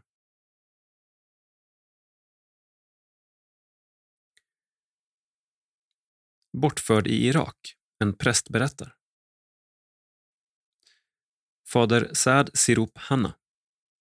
Översättning Eva Sjöstrand. Veritas förlag 2019. Boktips. Fader Saad Sirup Hanna tillfångatogs av muslimska terrorister i Irak 2006 och torterades i 28 dagar. Tio år senare beskriver han den hemska upplevelsen i en konfronterande självbiografi. Den irakiska prästen mediterar på Davids psalm med ett gevär mot tinningen. Terrorgruppen IS är beredda att skjuta i religionens namn. Hanna är å sin sida, likt den nutida Stefanus, beredd att dö martyrdöden. Med bindel för ögonen söker han Guds vilja under en dramatisk månadslång tid i fångenskap. Bortförd i Irak är en berättelse om frimodighet och utmanar kristna i västerlandet att leva fria från människofruktan. Hannas drivkraft summeras i ett stycke i sista kapitlet, Svaret. Gud tvingade inte de här männen att ta mig till fånga, lika lite som han har tvingat otaliga andra som valt att bli tragedins katalysatorer. Vi bär själva ansvaret för våra beslut. Det är priset för vår frihet. Sida 46. Insändare. Insändarskribenterna efterfrågar tydlighet. Präst eller prästvigd för tjänst i EFS. Svenska kyrkan beslutade för cirka 30 år sedan att lösa problemet med att icke prästvigda pastorer inom den egna inomkyrkliga missionsrörelsen EFS förrättade nattvard i sina föreningar. Efter konstruktiva samtal beslutades att EFS-pastorer, efter att vissa villkor hade uppfyllts, skulle prästvigas. Därmed var saken löst. Men något har hänt under resans gång. Efter prövning av EFS missionsföreståndare och EFS styrelse vigs fortfarande präster för tjänst i EFS. EFS styrelse ger sitt godkännande varefter biskop i det, i det stift kandidaten kommer att tjänstgöra viger till ämbetet. Det fungerar så länge EFS-prästen har kvar sin tjänst i föreningen där denna togs i tjänst.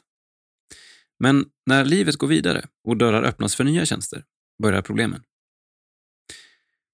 Eftersom EFS-prästen inte är komministerbehörig är det uteslutet att söka komministraturer i Svenska kyrkan. Vikariat kan gå bra, men för övrigt har endast de cirka 40 samarbetskyrkorna med EFS varit tänkbara alternativ. Detta blir ett problem då EFS-prästen vill flytta på sig.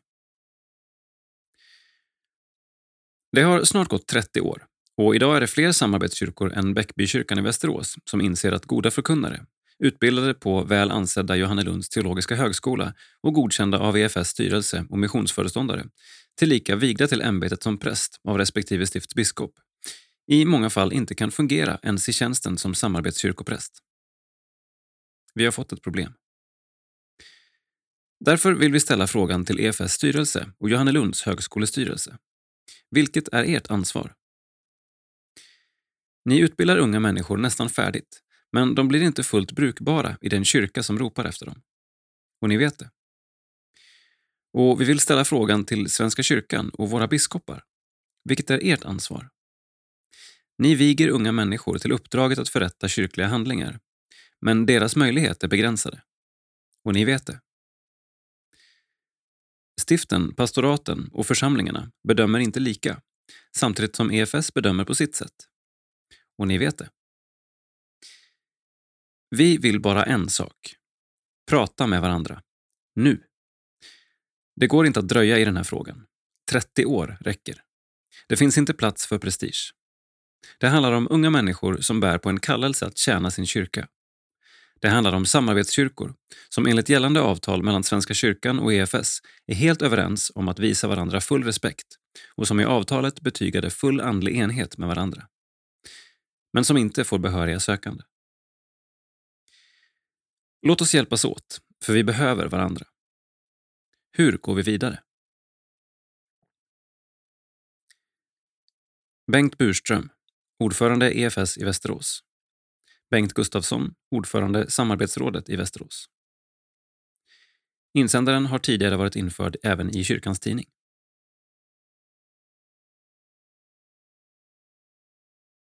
Sida 49. Info. Kalendarium, information, kungörelser, sociala medier och mycket mer som rör EFS och SALT. Har du frågor? Kontakta oss på budis efs.nu. På gång. 26 februari, Staffanstorp. Israel i blickpunkten. 2-6 mars, Hemavan. Sportlovsläger, Klippen. 3 mars, Röke. Gospelkonsert. 14-17 mars, Norrtälje. Växt och vila i ignatiansk anda, Åkerögården. 15-17 mars, Uppsala. Jesus till barnen, nationell barnledarkonferens. 30 mars, Hjälmared. Årsmöte för EFS Västsverige, Hjälmared folkhögskola. 30 maj till 2 juni, Örnsköldsvik. EFS årskonferens. För mer information, se respektive distrikts hemsidor. Missa inget. Följ EFS på sociala medier för senaste nytt i rörelsen facebook.com efs.nu och på Instagram efsnu.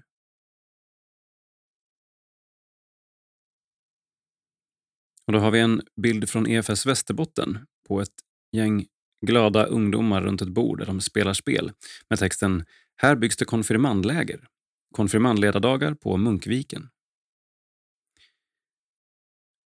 Och så har vi en bild från Klara kyrka på en eh, fullsatt kyrklokal med texten I söndags hade vi den stora glädjen att få avsluta årets vinterkonferens med festhögmässa och eftermiddagsgudstjänst i vår kyrka. Vi fick ta emot Guds ord av Mats Nyholm på förmiddagen och Claes Lindberg på eftermiddagen.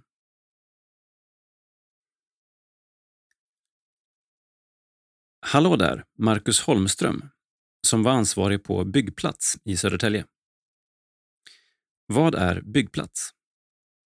Det är en samlingspunkt där varje distrikt eller region inom EFS och SALT får skicka representanter som vill drömma och visionera kring EFS och SALTs framtid. Vad är syftet med helgen? Att uppmuntra och bemyndiga dem som vill engagera sig och har idéer om hur vi kan utvecklas. Vi vill också lära ut mer om hur man faktiskt kan påverka och vilka befintliga forum som finns för det. Vad gjorde ni? Vi hade en process där input, andakter, bön, öppna samtal och kreativa övningar växlade med varandra med ett crescendo i en förbönstund på lördagskvällen och ett stormöte på söndagen. Vad tar du med dig från byggplats? Att personerna som var där fick kunskap, utrymme och inspiration till att vara med och forma vår framtid som rörelse.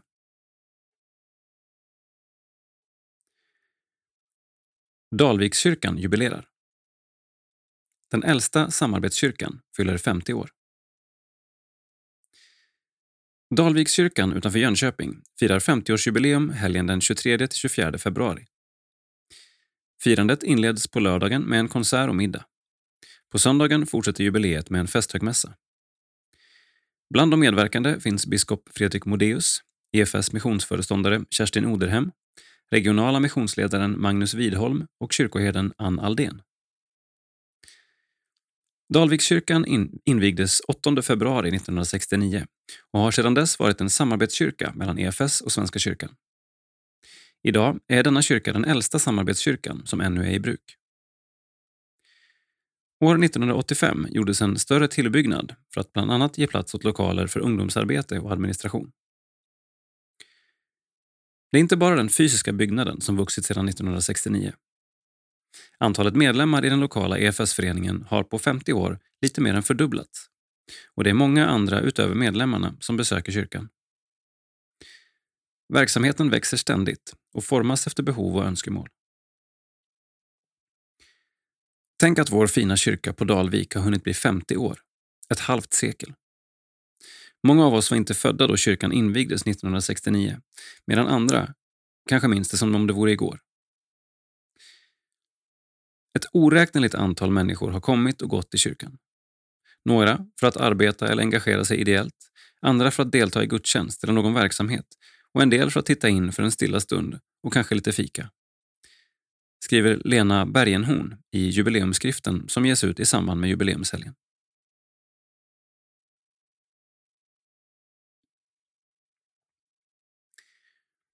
Ungdomslägret Livskraft hölls på tre platser i Sverige under nyårshelgen. Totalt sett kom det närmare 300 deltagare till Älvsbyn, Strömbäck i Umeå och Helsingborg.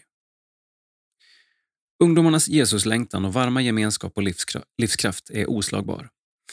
Dessa läger är en växtplats för många som får bli påfyllda och sedan utsända, hand i hand med Jesus. Det är stort, säger Salts vikarierande generalsekreterare Amanda Vadian. Varför åkte du till Livskraft? Sara Harrison, som var på Livskraft Syd. Jag hade först inte tänkt att åka i år, men en kompis som jag träffat på Livskraft tidigare skrev och frågade om jag inte skulle åka dit igen. Då bestämde jag mig, tog ledigt från jobbet och åkte. Vad tyckte du om lägret? Jag älskar lägret. Det är enligt mig bästa dagarna på året. Bra lovsång, bra seminarium, grym gemenskap och Gud är starkt närvarande hela tiden. Vad tar du med dig från lägret? Väldigt mycket glädje och energi. På seminariet jag hade valt fick jag höra att jag skulle vara min egen bästa vän och hjälpa andra. Det är något jag vill leva efter framöver. Albin Stenvall, som var på Livskraft Polar. För att mina kompisar skulle det. Det är ju ett jättebra och roligt sätt att fira nyår på. Vad tyckte du om lägret? Jag tyckte lägret var jättebra. Det var en härlig stämning där jag kände att jag kunde prata med alla. Vad tar du med dig från lägret? Jag tar med mig en stärkt tro. Lägret är ju lite som en verkstad där man lappas ihop av chefsmekanikern själv för att klara året. Jag tar även med mig att man ska underhålla maskineriet själv genom att gå på möten och ha en kristen gemenskap utanför livskraft. Ingrid Stenberg, som var på Livskraft Norr. Mina syskon har varit med andra år och uppskattat det, men framförallt åkte jag dit för att mina kompisar från konfirmationslägret skulle dit. Vad tyckte du om lägret? Jag hade alltid något att göra och se fram emot. Aktiviteterna var roliga och givande. Väldigt roligt att lära känna nya människor också. Vad tar du med dig från lägret? Att jag är älskad precis som jag är och att Gud alltid kommer att acceptera mig oavsett vad som händer. Att sjunga lovsång är också något som jag började uppskatta mycket mer på lägret.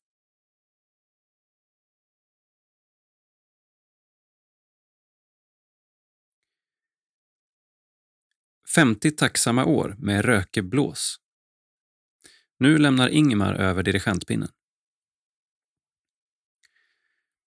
Efter över 50 år som dirigent för Rökeblås har 76-årige Ingemar Karp tackat för sig. Hans sista dirigentuppdrag blev den årliga konserten i Norra Åkarps kyrka i Bjärnum på annandagen. Även om tiden är inne för mig att kliva av så kommer jag såklart att sakna det kolossalt mycket efter en så här lång tid, säger han. Under alla dessa år har Rökeblås blivit en naturlig del av Ingemars liv. Frun Kristina har skött marktjänsten och deras fyra barn har alla spelat i orkestern. Orkestern har betytt mycket för vår lilla ort och engagemanget har blivit som en livsstil. Vi har också en speciell anda i vår orkester då vi till exempel alltid har bett före varje konsert. Rökeblås har en klar kristen profil, även om det inte funnits några krav på att vara kristen för att få vara med, säger Ingmar.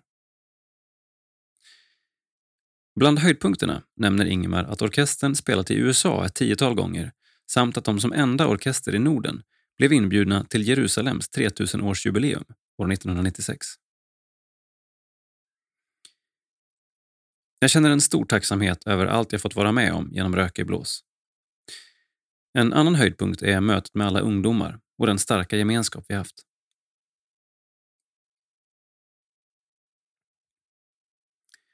Tipsa budbäraren. Har du ett nyhetstips? Maila till budis efs.nu. E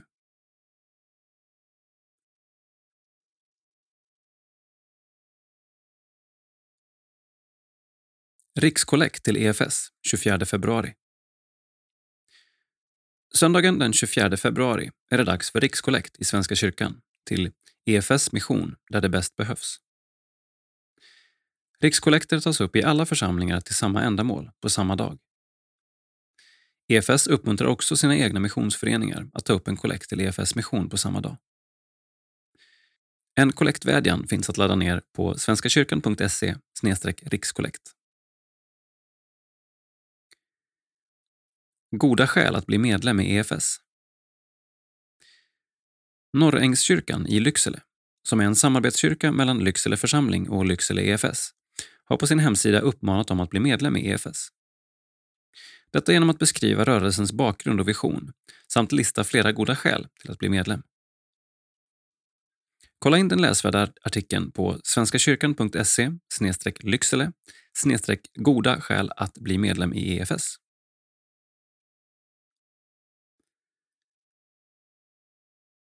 Insamlingsresultat 2018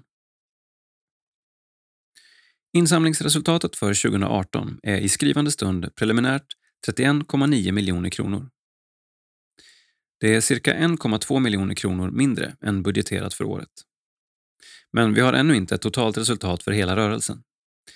Det kommer så fort det är fastställt att presenteras inför styrelsen under februari.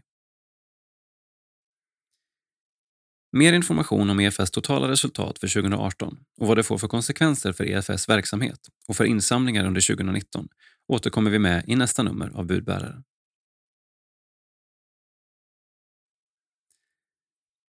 Gåvoresultat januari. EFS. Insamlat 2,5 miljoner kronor. Budget 2,1 miljoner kronor. Det preliminära insamlingsresultatet för januari är 2,5 miljoner kronor, cirka 370 000 kronor mer än budgeterat för perioden. Insamlat 2,5 miljoner kronor, mål 2019 32,5 miljoner kronor.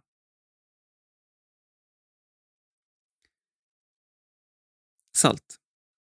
Insamlat 39 000 kronor. Mål 2019 1,1 miljoner kronor. Salt var cirka 58 000 kronor, 5 procent, från att nå insamlingsmålet för 2018. Stort tack för alla gåvor.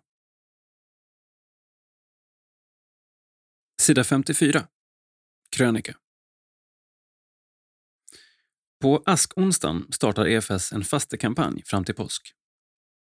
Magnus Persson motiverar varför fastan är viktig. Fastan. Att frigöra utrymme för Gud. Vad innebär det att fasta? Tillåt mig att använda en vardaglig bild, trots det seriösa ämnet. Vid ett tillfälle tog jag emot en notis att en stor och avgörande uppdatering för min iPhone fanns tillgänglig.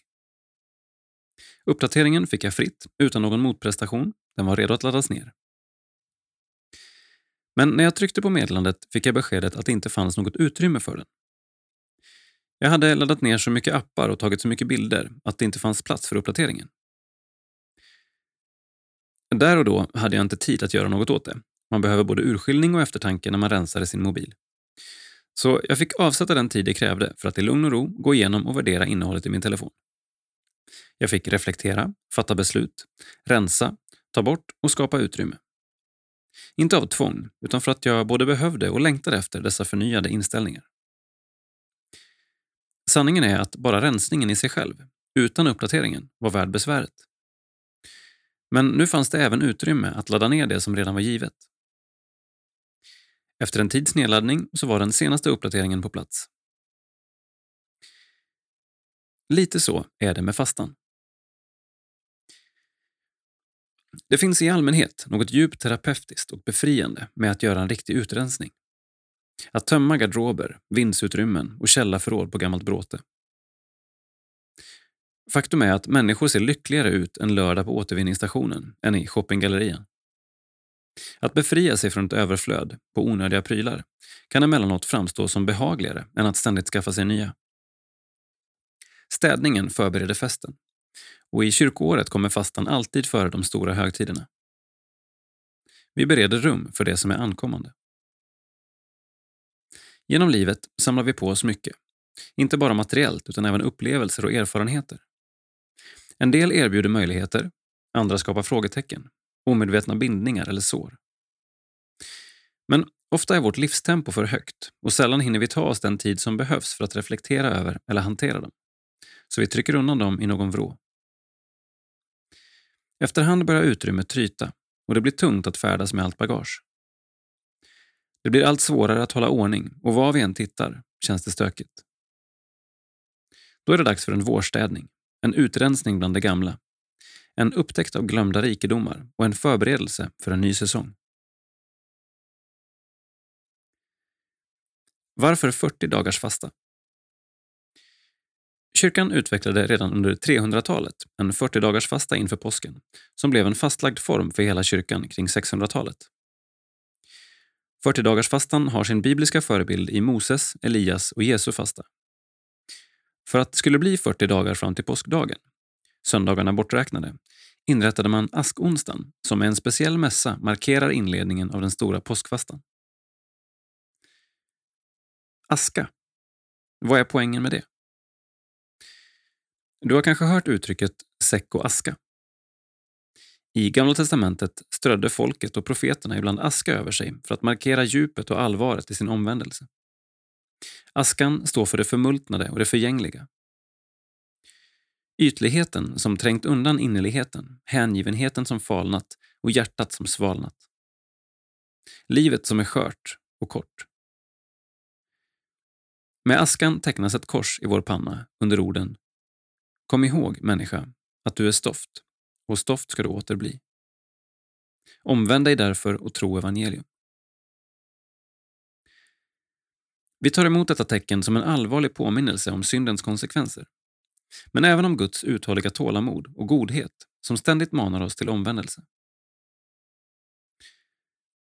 Syndens lön är döden, men Guds gåva är evigt liv i Kristus Jesus, vår Herre. I Matteus 6 och 16 säger Jesus när ni fastar. Jesus säger alltså inte om ni fastar, utan verkar ta för givet att hans lärjungar vid olika tider praktiserar fasta. Men fastan kan ofta uppfattas som de fromma asketernas självplågeri. Eller ett slags gärningslära. Vi offrar något och Gud belönar oss. Men fastan handlar inte främst om vad du och jag gör för Gud, utan om att vi ger honom tid och tillgång till vårt innersta och låter honom utföra sitt verk i oss. Det är ingen merit vi kan berömma oss av eller något vi gör för att tvinga Gud att handla. Tvärtom är fastan en gåva till oss med syfte att frigöra tid för stillhet och eftertanke, bön och omvändelse. När vi rusar på genom livet är det lätt hänt att Guds röst drunknar i omgivningens ständiga brus. Sett ur det perspektivet kommer fastan snarare som en efterlängtad befrielse än ytterligare en börda att bära. Den bästa fastan är den som blir av. Fastan är alltså en möjlighet och inte ett krav. Den är något som vi gör för att vi längtar och har behov, inte för att vi måste. Fastan måste alltid anpassas efter vår egen situation utan att jämföra oss med andra. Därför är det en god regel att hålla för sig själv vad man fastar ifrån. Den traditionella fastan handlar om att helt eller delvis avstå föda. Men det finns nog mycket annat som kanske är mer angeläget att avstå i vår tid för att kunna fokusera på Gud. Man kan säga om fastan som man säger om träning. Den bästa fastan är den som blir av. Med andra ord bör vi inte ta i för mycket utan fatta rimliga beslut så att fastan blir möjlig. Men fastan fyller en viktig funktion även när vi misslyckas med våra föresatser. Då ser vi än mer tydligt vårt behov av den påsk som ligger framför oss där Jesus Kristus vinner frälsning för oss som inte kan frälsa oss själva. Vi behöver inte försöka övertala eller vädja till Gud om andlig förnyelse. Gud har redan skänkt oss allt i Kristus Jesus och den helige Ande är verksam. Med dessa ord vill jag därför försöka att inspirera dig att ta vara på fastan som närmar sig och avsätta tid för en andlig utrensning och uppdatering, fördjupning i ordet och förnyelse i bönen. Magnus Persson, inspiratör EFS. Fasta tillsammans med EFS. Med start askonsdagen den 6 mars kan du slå följe med EFS på sociala medier genom hela fasteperioden fram till påsk. Vi kommer dagligen att delge korta betraktelser, gemensamma böneämnen och ge förslag på andliga övningar. Som andlig vägledning och fördjupning läser vi även några sidor per dag ur boken Vägledning till frid av Carl-Olof Rosenius, som kan beställas via budbäraren eller shop.efs.nu och försöker dagligen sammanfatta vad vi läst med några konkreta tillämpningar. Följ oss på facebook.com efs.nu och Instagram snabel efsnu. Sida 56. Bial. Hej Bialvänner! Skulle Jesus ha gått i skolan? Enligt kulturen lärde han sig sin jordiska pappas yrke, snickare. Och i Lukasevangeliet kan vi läsa att Jesus som barn växte och fylldes av styrka och vishet. I ett gott lärande finns både goda förebilder, växt, utveckling och vis tillämpning av lärdomarna. Nu pågår EFS kampanjveckor för Bial och i vårt fokus är de barn som vi genom Bial stöttar med utbildning. För att ett barns trygghet och utveckling spelar roll nu. För att ett barns utbildning spelar roll för ett helt samhälle i framtiden. Sofia Svensson, bialinspiratör.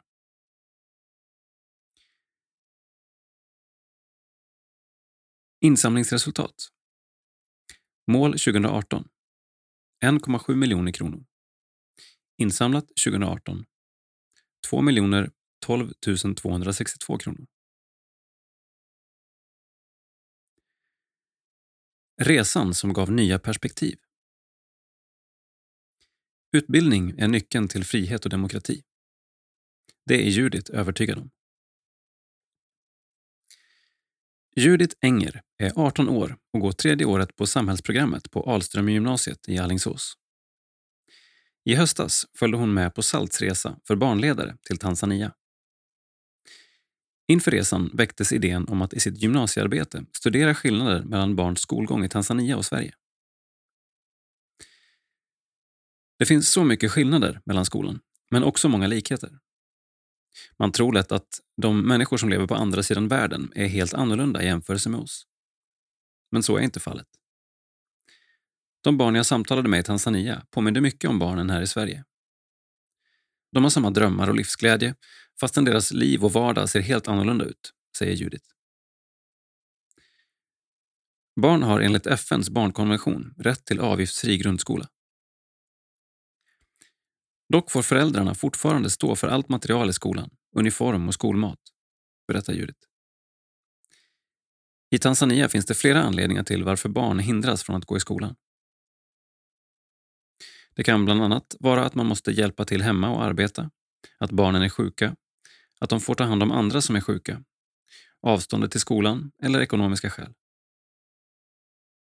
Många unga flickor slutar också skolan för tidigt om de blir gravida. I Sverige hindras barn också från att gå till skolan och många upplever otrygghet i skolan. Det är viktigt att ett svenskt skolbarn känner sig tryggt och accepterat i skolan, vilket man gör om man har lite vänner att umgås med och om läraren bemöter alla barn lika. En sak som utmärkte de tanzaniska barnen i Judiths frågor till dem om skolan var synen på framtiden. De tanzaniska barnen hade tydliga mål och drömmar. Den ena ville bli pilot, den andra sjuksköterska. Barnen jag intervjuade i Sverige var lite mer osäkra på sin framtid. De ville istället bli fotbollsproffs, dansare eller bagare. Därför känns det som att de tanzaniska skolbarnen tänker mer på sin framtid och utbildning än vad de svenska skolbarnen gör. Då de svenska barnen tar utbildning och skolan mer för givet.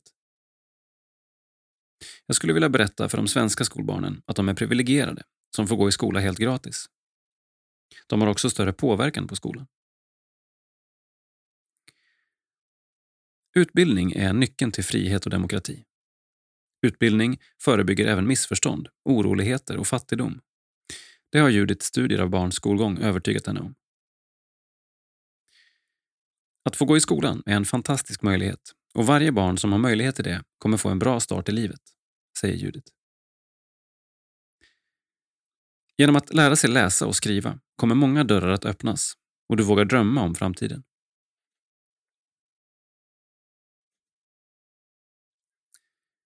Hallå där, Isak Tornell, fem år som bor i Addis Abeba, Etiopien, med sina två äldre bröder och föräldrar som är utsända EFS-missionärer i Etiopien. Vad har du för intressen? Gå till kompisar och leka. Vi leker ofta apor. Eller så leker vi med hundvalpen. Eller i sandberget. Eller med nerfguns. Vad går du i för skola och klass? Bingham Academy, KG1 Rainbow Class, ungefär som en svensk förskoleklass. Vad får du lära dig i skolan? Man lär sig att inte göra dumma saker och att sitta still. Och att räkna och så. Jag tycker om att lära mig ABC. Vad är bra med just din skola? Fröken Mrs Griffin är bra. Och så är sköldpaddorna på skolgården bra. Och så är det bra att jag kan trösta andra barn när de blir ledsna. Det är också bra att jag är snabbast i klassen.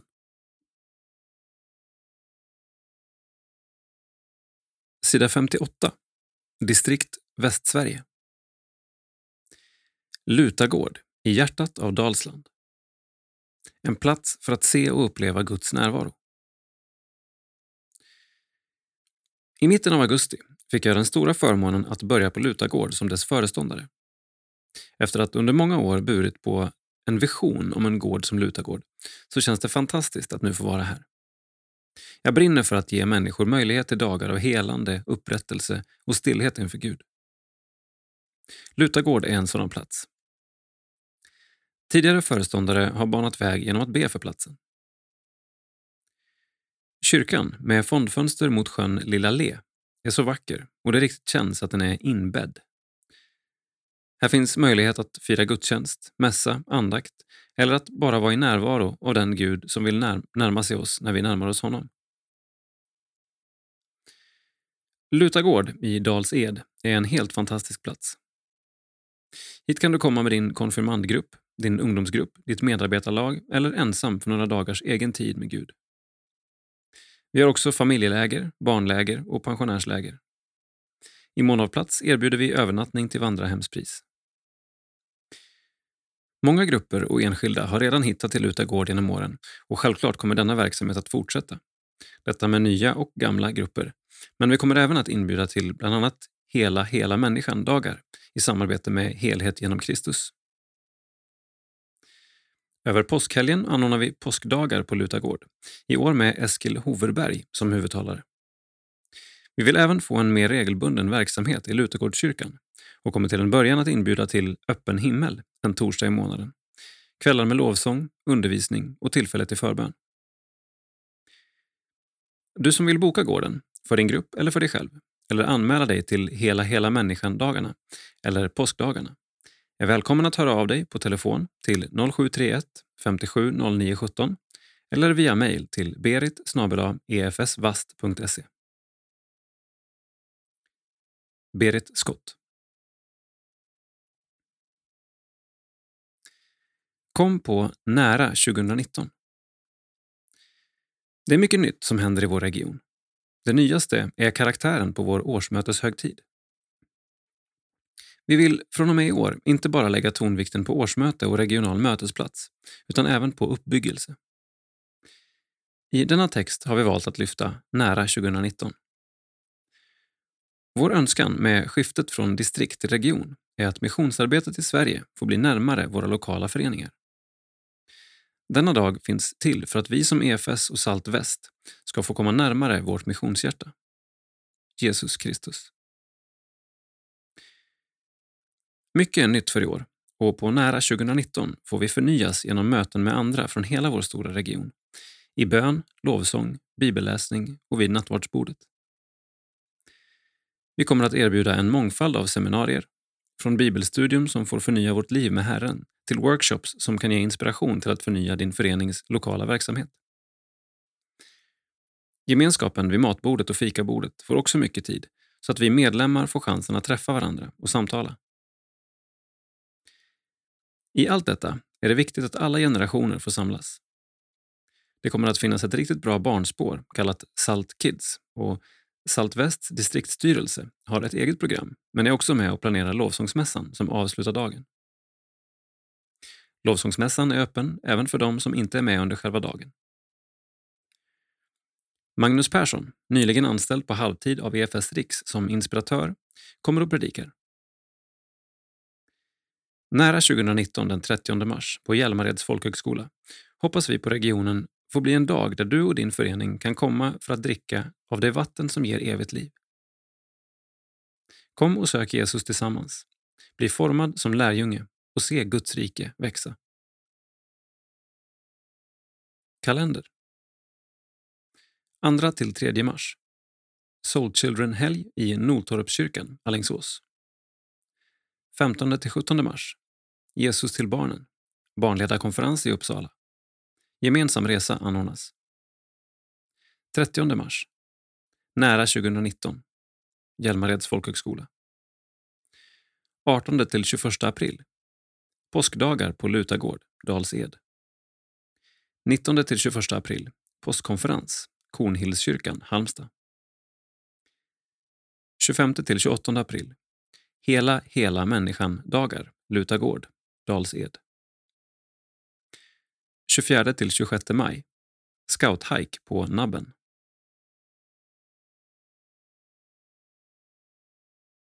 Sida 60. Distrikt Norrbotten. Gemenskap som ger livskraft. 120 ungdomar, deltagare och ledare mellan 15 och 35 strömmade in till årets Livskraft Polar på Älvsby folkhögskola. Många hade varit på tidigare livskraftläger, men för en hel del var det första gången. Text Monica Arndt. Bild David Westerlund. Nyårslägret Livskraft bygger mycket på att ungdomarna själva tar ledaruppdrag och att de får växa både i tro och personlig utveckling. Detta är absolut nödvändigt för att lägret ska fungera och det bygger också den speciella gemenskap som kännetecknar Livskraft. Det vanliga är att uppemot hälften av deltagarna har något slags ledaruppdrag, till exempel smågruppsledare, ansvara för kvällsfikat eller leda ett seminarium. En typisk dag på Livskraft, Polar, börjar med sovmorgon, något som visat sig vara väldigt uppskattat. Frukosten serveras från åtta för de morgonpigga, men vid nio ser man de flesta lägerdeltagare droppa in. Ledarna samlas vid halv tio för bön och genomgång av dagen. Sedan kommer resten av ungdomarna för gemensam information, lovsång och bön innan förmiddagspassen börjar. Här finns det två valbara spår. Präster, ungdomsledare och unga vuxna håller i undervisningspass. Därefter är det dags för smågrupper. Om kvällsgudstjänsterna är livskrafts hjärta så är smågrupperna pulslagen. Här finns ett mindre sammanhang för alla deltagare som ger möjlighet att prata om undervisningspass, predikningar, frågor man bär på eller bara ha kul tillsammans. Efter folkhögskolans goda lunch finns tillfälle till frivillig aktiverad fritid. Livskraft bygger mycket på gemenskap och våra trivselteam ser till att ingen går ensam och att det alltid finns något att göra om fritiden känns lite seg. Eftermiddagarna viks åt seminarier, mestadels praktiska. Även här är det i huvudsak ungdomar och unga vuxna som leder seminarierna och detta görs imponerande väl. Kvällsgudstjänsterna hålls i EFS Älvsbyn, en kort promenad från folkhögskolan. Gudstjänsten är enkel, men innerlig och dess betydelse för livskraft kan inte betonas nog mycket. För många kan det vara första gången de möter en sån här typ av gudstjänst. Andra är vana, men längtar hela året efter detta. Kvällsgudstjänsterna innehåller mycket lovsång, vittnesbörd, predikan, möjlighet till förbön och olika bönestationer. Allt under avslappnade former. En öppenhet och förväntan på Gud och vad han vill göra präglar kvällarna. Och de är verkligen lägrets bultande hjärta. Två av kvällarna hålls även en sen kvällsmässa uppe i folkhögskolans kapell. Även här medverkar ungdomarna själva, bland annat i nattvardsutdelandet. Och det brukar bli väldigt viktiga stunder tillsammans. Nyårsaftonen blir alltid en festkväll med utklädning för de som vill. I år hade vi celebert besök av påven och hans livvakter, småbarnsmammor och racerförare, för att nämna några. Kvällsgudstjänsten brukar dra ut på tiden nästan fram till tolvslaget, som firas in med skål och förverkerier och en kramring med 120 deltagare. Därefter blir det öppen scen, då deltagarna får visa upp sina alltid lika imponerande färdigheter med olika uppträdanden. En del går sedan och lägger sig fram på småtimmarna medan en hel del är uppe hela natten och därför är rätt så matta under nyårsdagens avslutande mässa.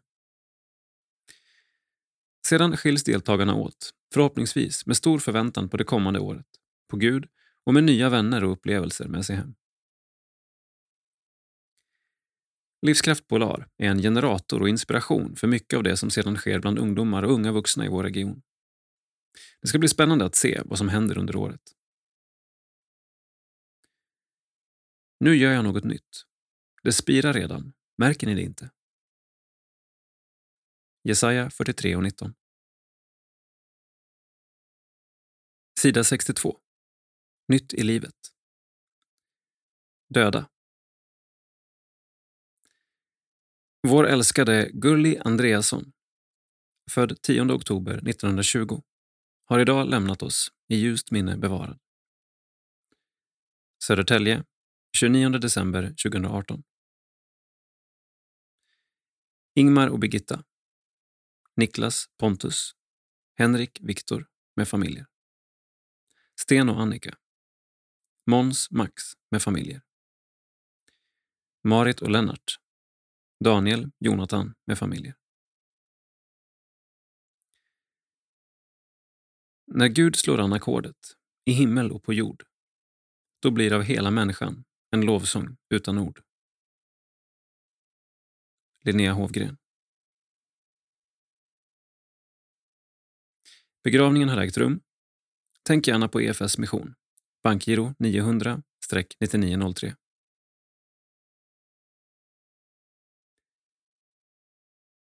Vår älskade mamma, svärmor och farmor. Greta Tyrbo. Född 13 april 1924. Har lämnat oss i stor sorg och saknad. Kalmar den 19 januari 2019. Mats och Gunilla.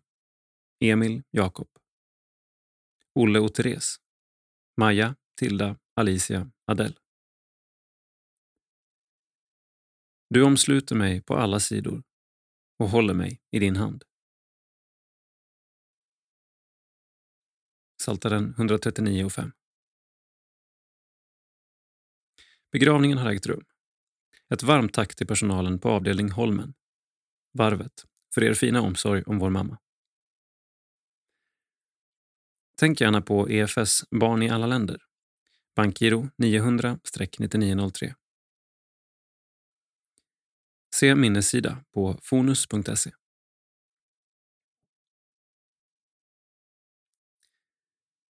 Till minne. Annika Ovander, en trofast och god vän, har lämnat oss för den himmelska glädjen. Annika Ovander växte upp i Karlskrona och tjänstgjorde sedan 25-årsåldern på olika sätt inom EFS, framförallt med barn och unga. Från och med 1991 var hon anställd av EFS Riks som scoutkonsulent, missionär och informatör. Men det är framförallt som scout hon blev känd och ihågkommen. Både i Sverige och i Malawi, där hon tjänstgjorde i fyra år. Vi som hade glädjen att lära känna Annika vet att hon hade ett stort hjärta för människor, särskilt de som hade det svårt. Hennes innerliga Jesus-tro fick sitt praktiska uttryck i en iver att stå upp för människors rättigheter. Det ledde ofta till en kritisk hållning gentemot kristna ledare och makthavare. Hon ställde ofta frågan “Varför det?” både utifrån ett genuint intresse att veta mer och för att få andra att tänka efter och motivera sig. Efter sin pensionering flyttade hon åter till Karlskrona men drabbades allt för tidigt av den cancer som till slut tog hennes liv.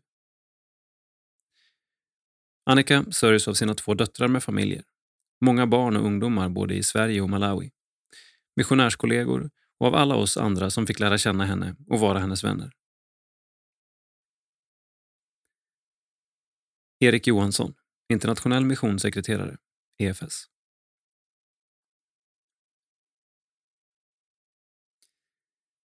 Fride Holmqvist. Vår medarbetare Fride Holmqvist, född i Mörttjärn, Norsjö, har avlidit. I sin ungdom arbetade han som elektriker men upplevde en tydlig kallelse till att bli predikant. Efter att ha fullgjort sin utbildning på Johannelund fick han sin första EFS-tjänst 1956 som predikant i Järvsö. Han flyttade därefter till Ångermanland där han bland annat arbetade som ungdomskonsulent. 1969 flyttade han med familjen till Kalix där han var pastor i tio år. 1979 började han arbeta inom EFS i norra Nederluleå. Där var han verksam till pensionsålder och även efter det. EFS var väldigt viktigt för Fride. Det var i EFS som han ansåg sig ha sitt ursprung och sin tillhörighet. Fride hade ett stort engagemang för EFS mission. Efter sin studieresa i Tanzania så brann han för att samla in pengar till EFS arbete med barn i alla länder. Genom att han sålde pennor och egentillverkade väskor samlades det in mycket pengar till missionsarbetet. Fride hann fylla 90 år innan han somnade in. Några månader efter sin kära hustru Anneli. Vi minns en varm och driftig person och deltar i sorgen med hans fyra barn med familjer. På begravningen i Nederluleå kyrka lästes hans favoritbibelord ur Psaltaren 103 där det står Lova Herren, min själ. Minns allt det goda han gör. EFS Norrbotten genom Magnus Lind. Inga-Märta Arvidsson. Inga-Märta Arvidsson, Umeå, somnade fridfullt in den 29 december 2018, 90 år gammal. Vår älskade Inga-Märta föddes i byn Jäkneböle utanför Umeå och växte upp tillsammans med sina två äldre syskon Kerstin och Arne.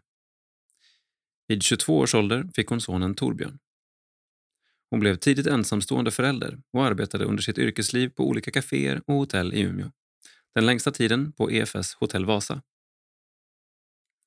Med tiden följde de tre barnbarnen Petter, Viktor och Jakob som kom att betyda väldigt mycket för henne. Vi var alltid välkomna till vår farmor för fika eller pannkakor. Hon bodde dessutom helt perfekt mellan vår skola och barndomshemmet. Hundratals gånger har vi sovit över, ibland alla tre på samma gång. Då ingick ofta hennes favoritsalm, Bred dina vida vingar, som godnattsång, samt frukost på sängen morgonen därpå. Under hela sitt liv hade Inga-Märta en helt otrolig förmåga att sätta medmänniskan framför sig själv. Många är vi som fått ta del av hennes till synes oändliga omtanke och kärlek. Hennes tro på Gud var självklar och sedan 80-talet hade hon sitt andliga hem i EFS Vasakyrkan, Umeå. Inga-Märta sörjs närmast av sonen Torbjörn med familj, en svägerska samt syskonbarnen med familjer. Familjen genom Jakob Arvidsson. Sida 65. Krönika. Gud kan tala genom våra kroppar på flera sätt, skriver Elin Redin. Låt Guds kärlek bli vår kärlek. Jag älskar att prata med vänner om den profetiska gåvan. Det här med att Gud talar till oss och genom oss till andra. Hur går det till? Hur fungerar det för dig? Jag och mina vänner började prata om det på gymnasiet. Utanför skolans aula berättade jag för första gången att jag hade upplevt att Gud talade. Som en tanke som kom så fort att jag inte hunnit tänka den själv. Så sa vi. Jag vet inte om jag själv tänkte långsamt i vanliga fall. Jag ser att definitionen haltar. Men vi behöver orden för att förklara och uppmuntra varandra till att öppna upp oss för Guds tilltal. Att positionera oss i förväntan. För ett tag sedan var jag förebedjare på ett läger och då bad jag för en tjej som inte hade något särskilt böneämne. Jag la min hand på henne, blundade och bad en bön om välsignelse och tacksägelse. Sen öppnade jag ögonen och såg på henne. Då visste jag i mitt hjärta och frågade direkt. Du sjunger, eller hur? I tjejens ansikte spreds ett försynt leende och hon nickade. Gud visade mig inga stora scener eller lyckade albumsläpp, utan istället pekade han på att han älskar när hon sjunger. Att det är ett underbart sätt för dem att umgås.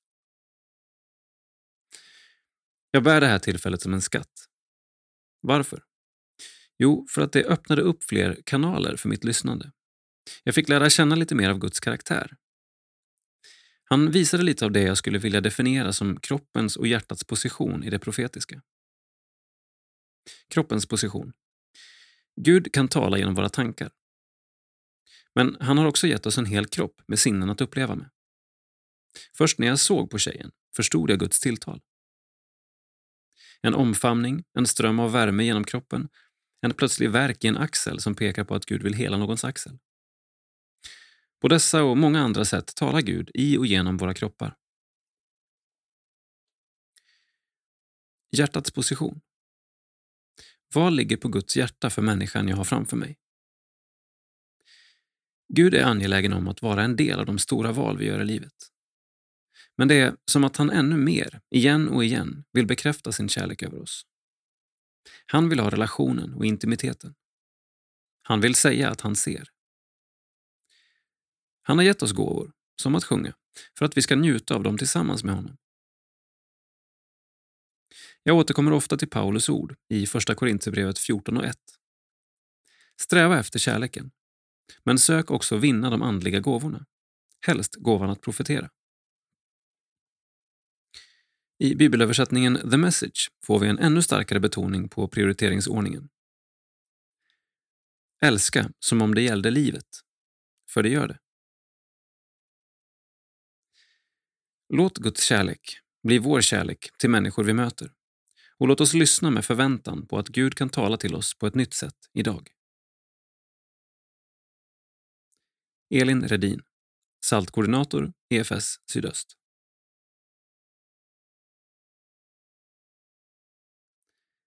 Tack för att du har lyssnat.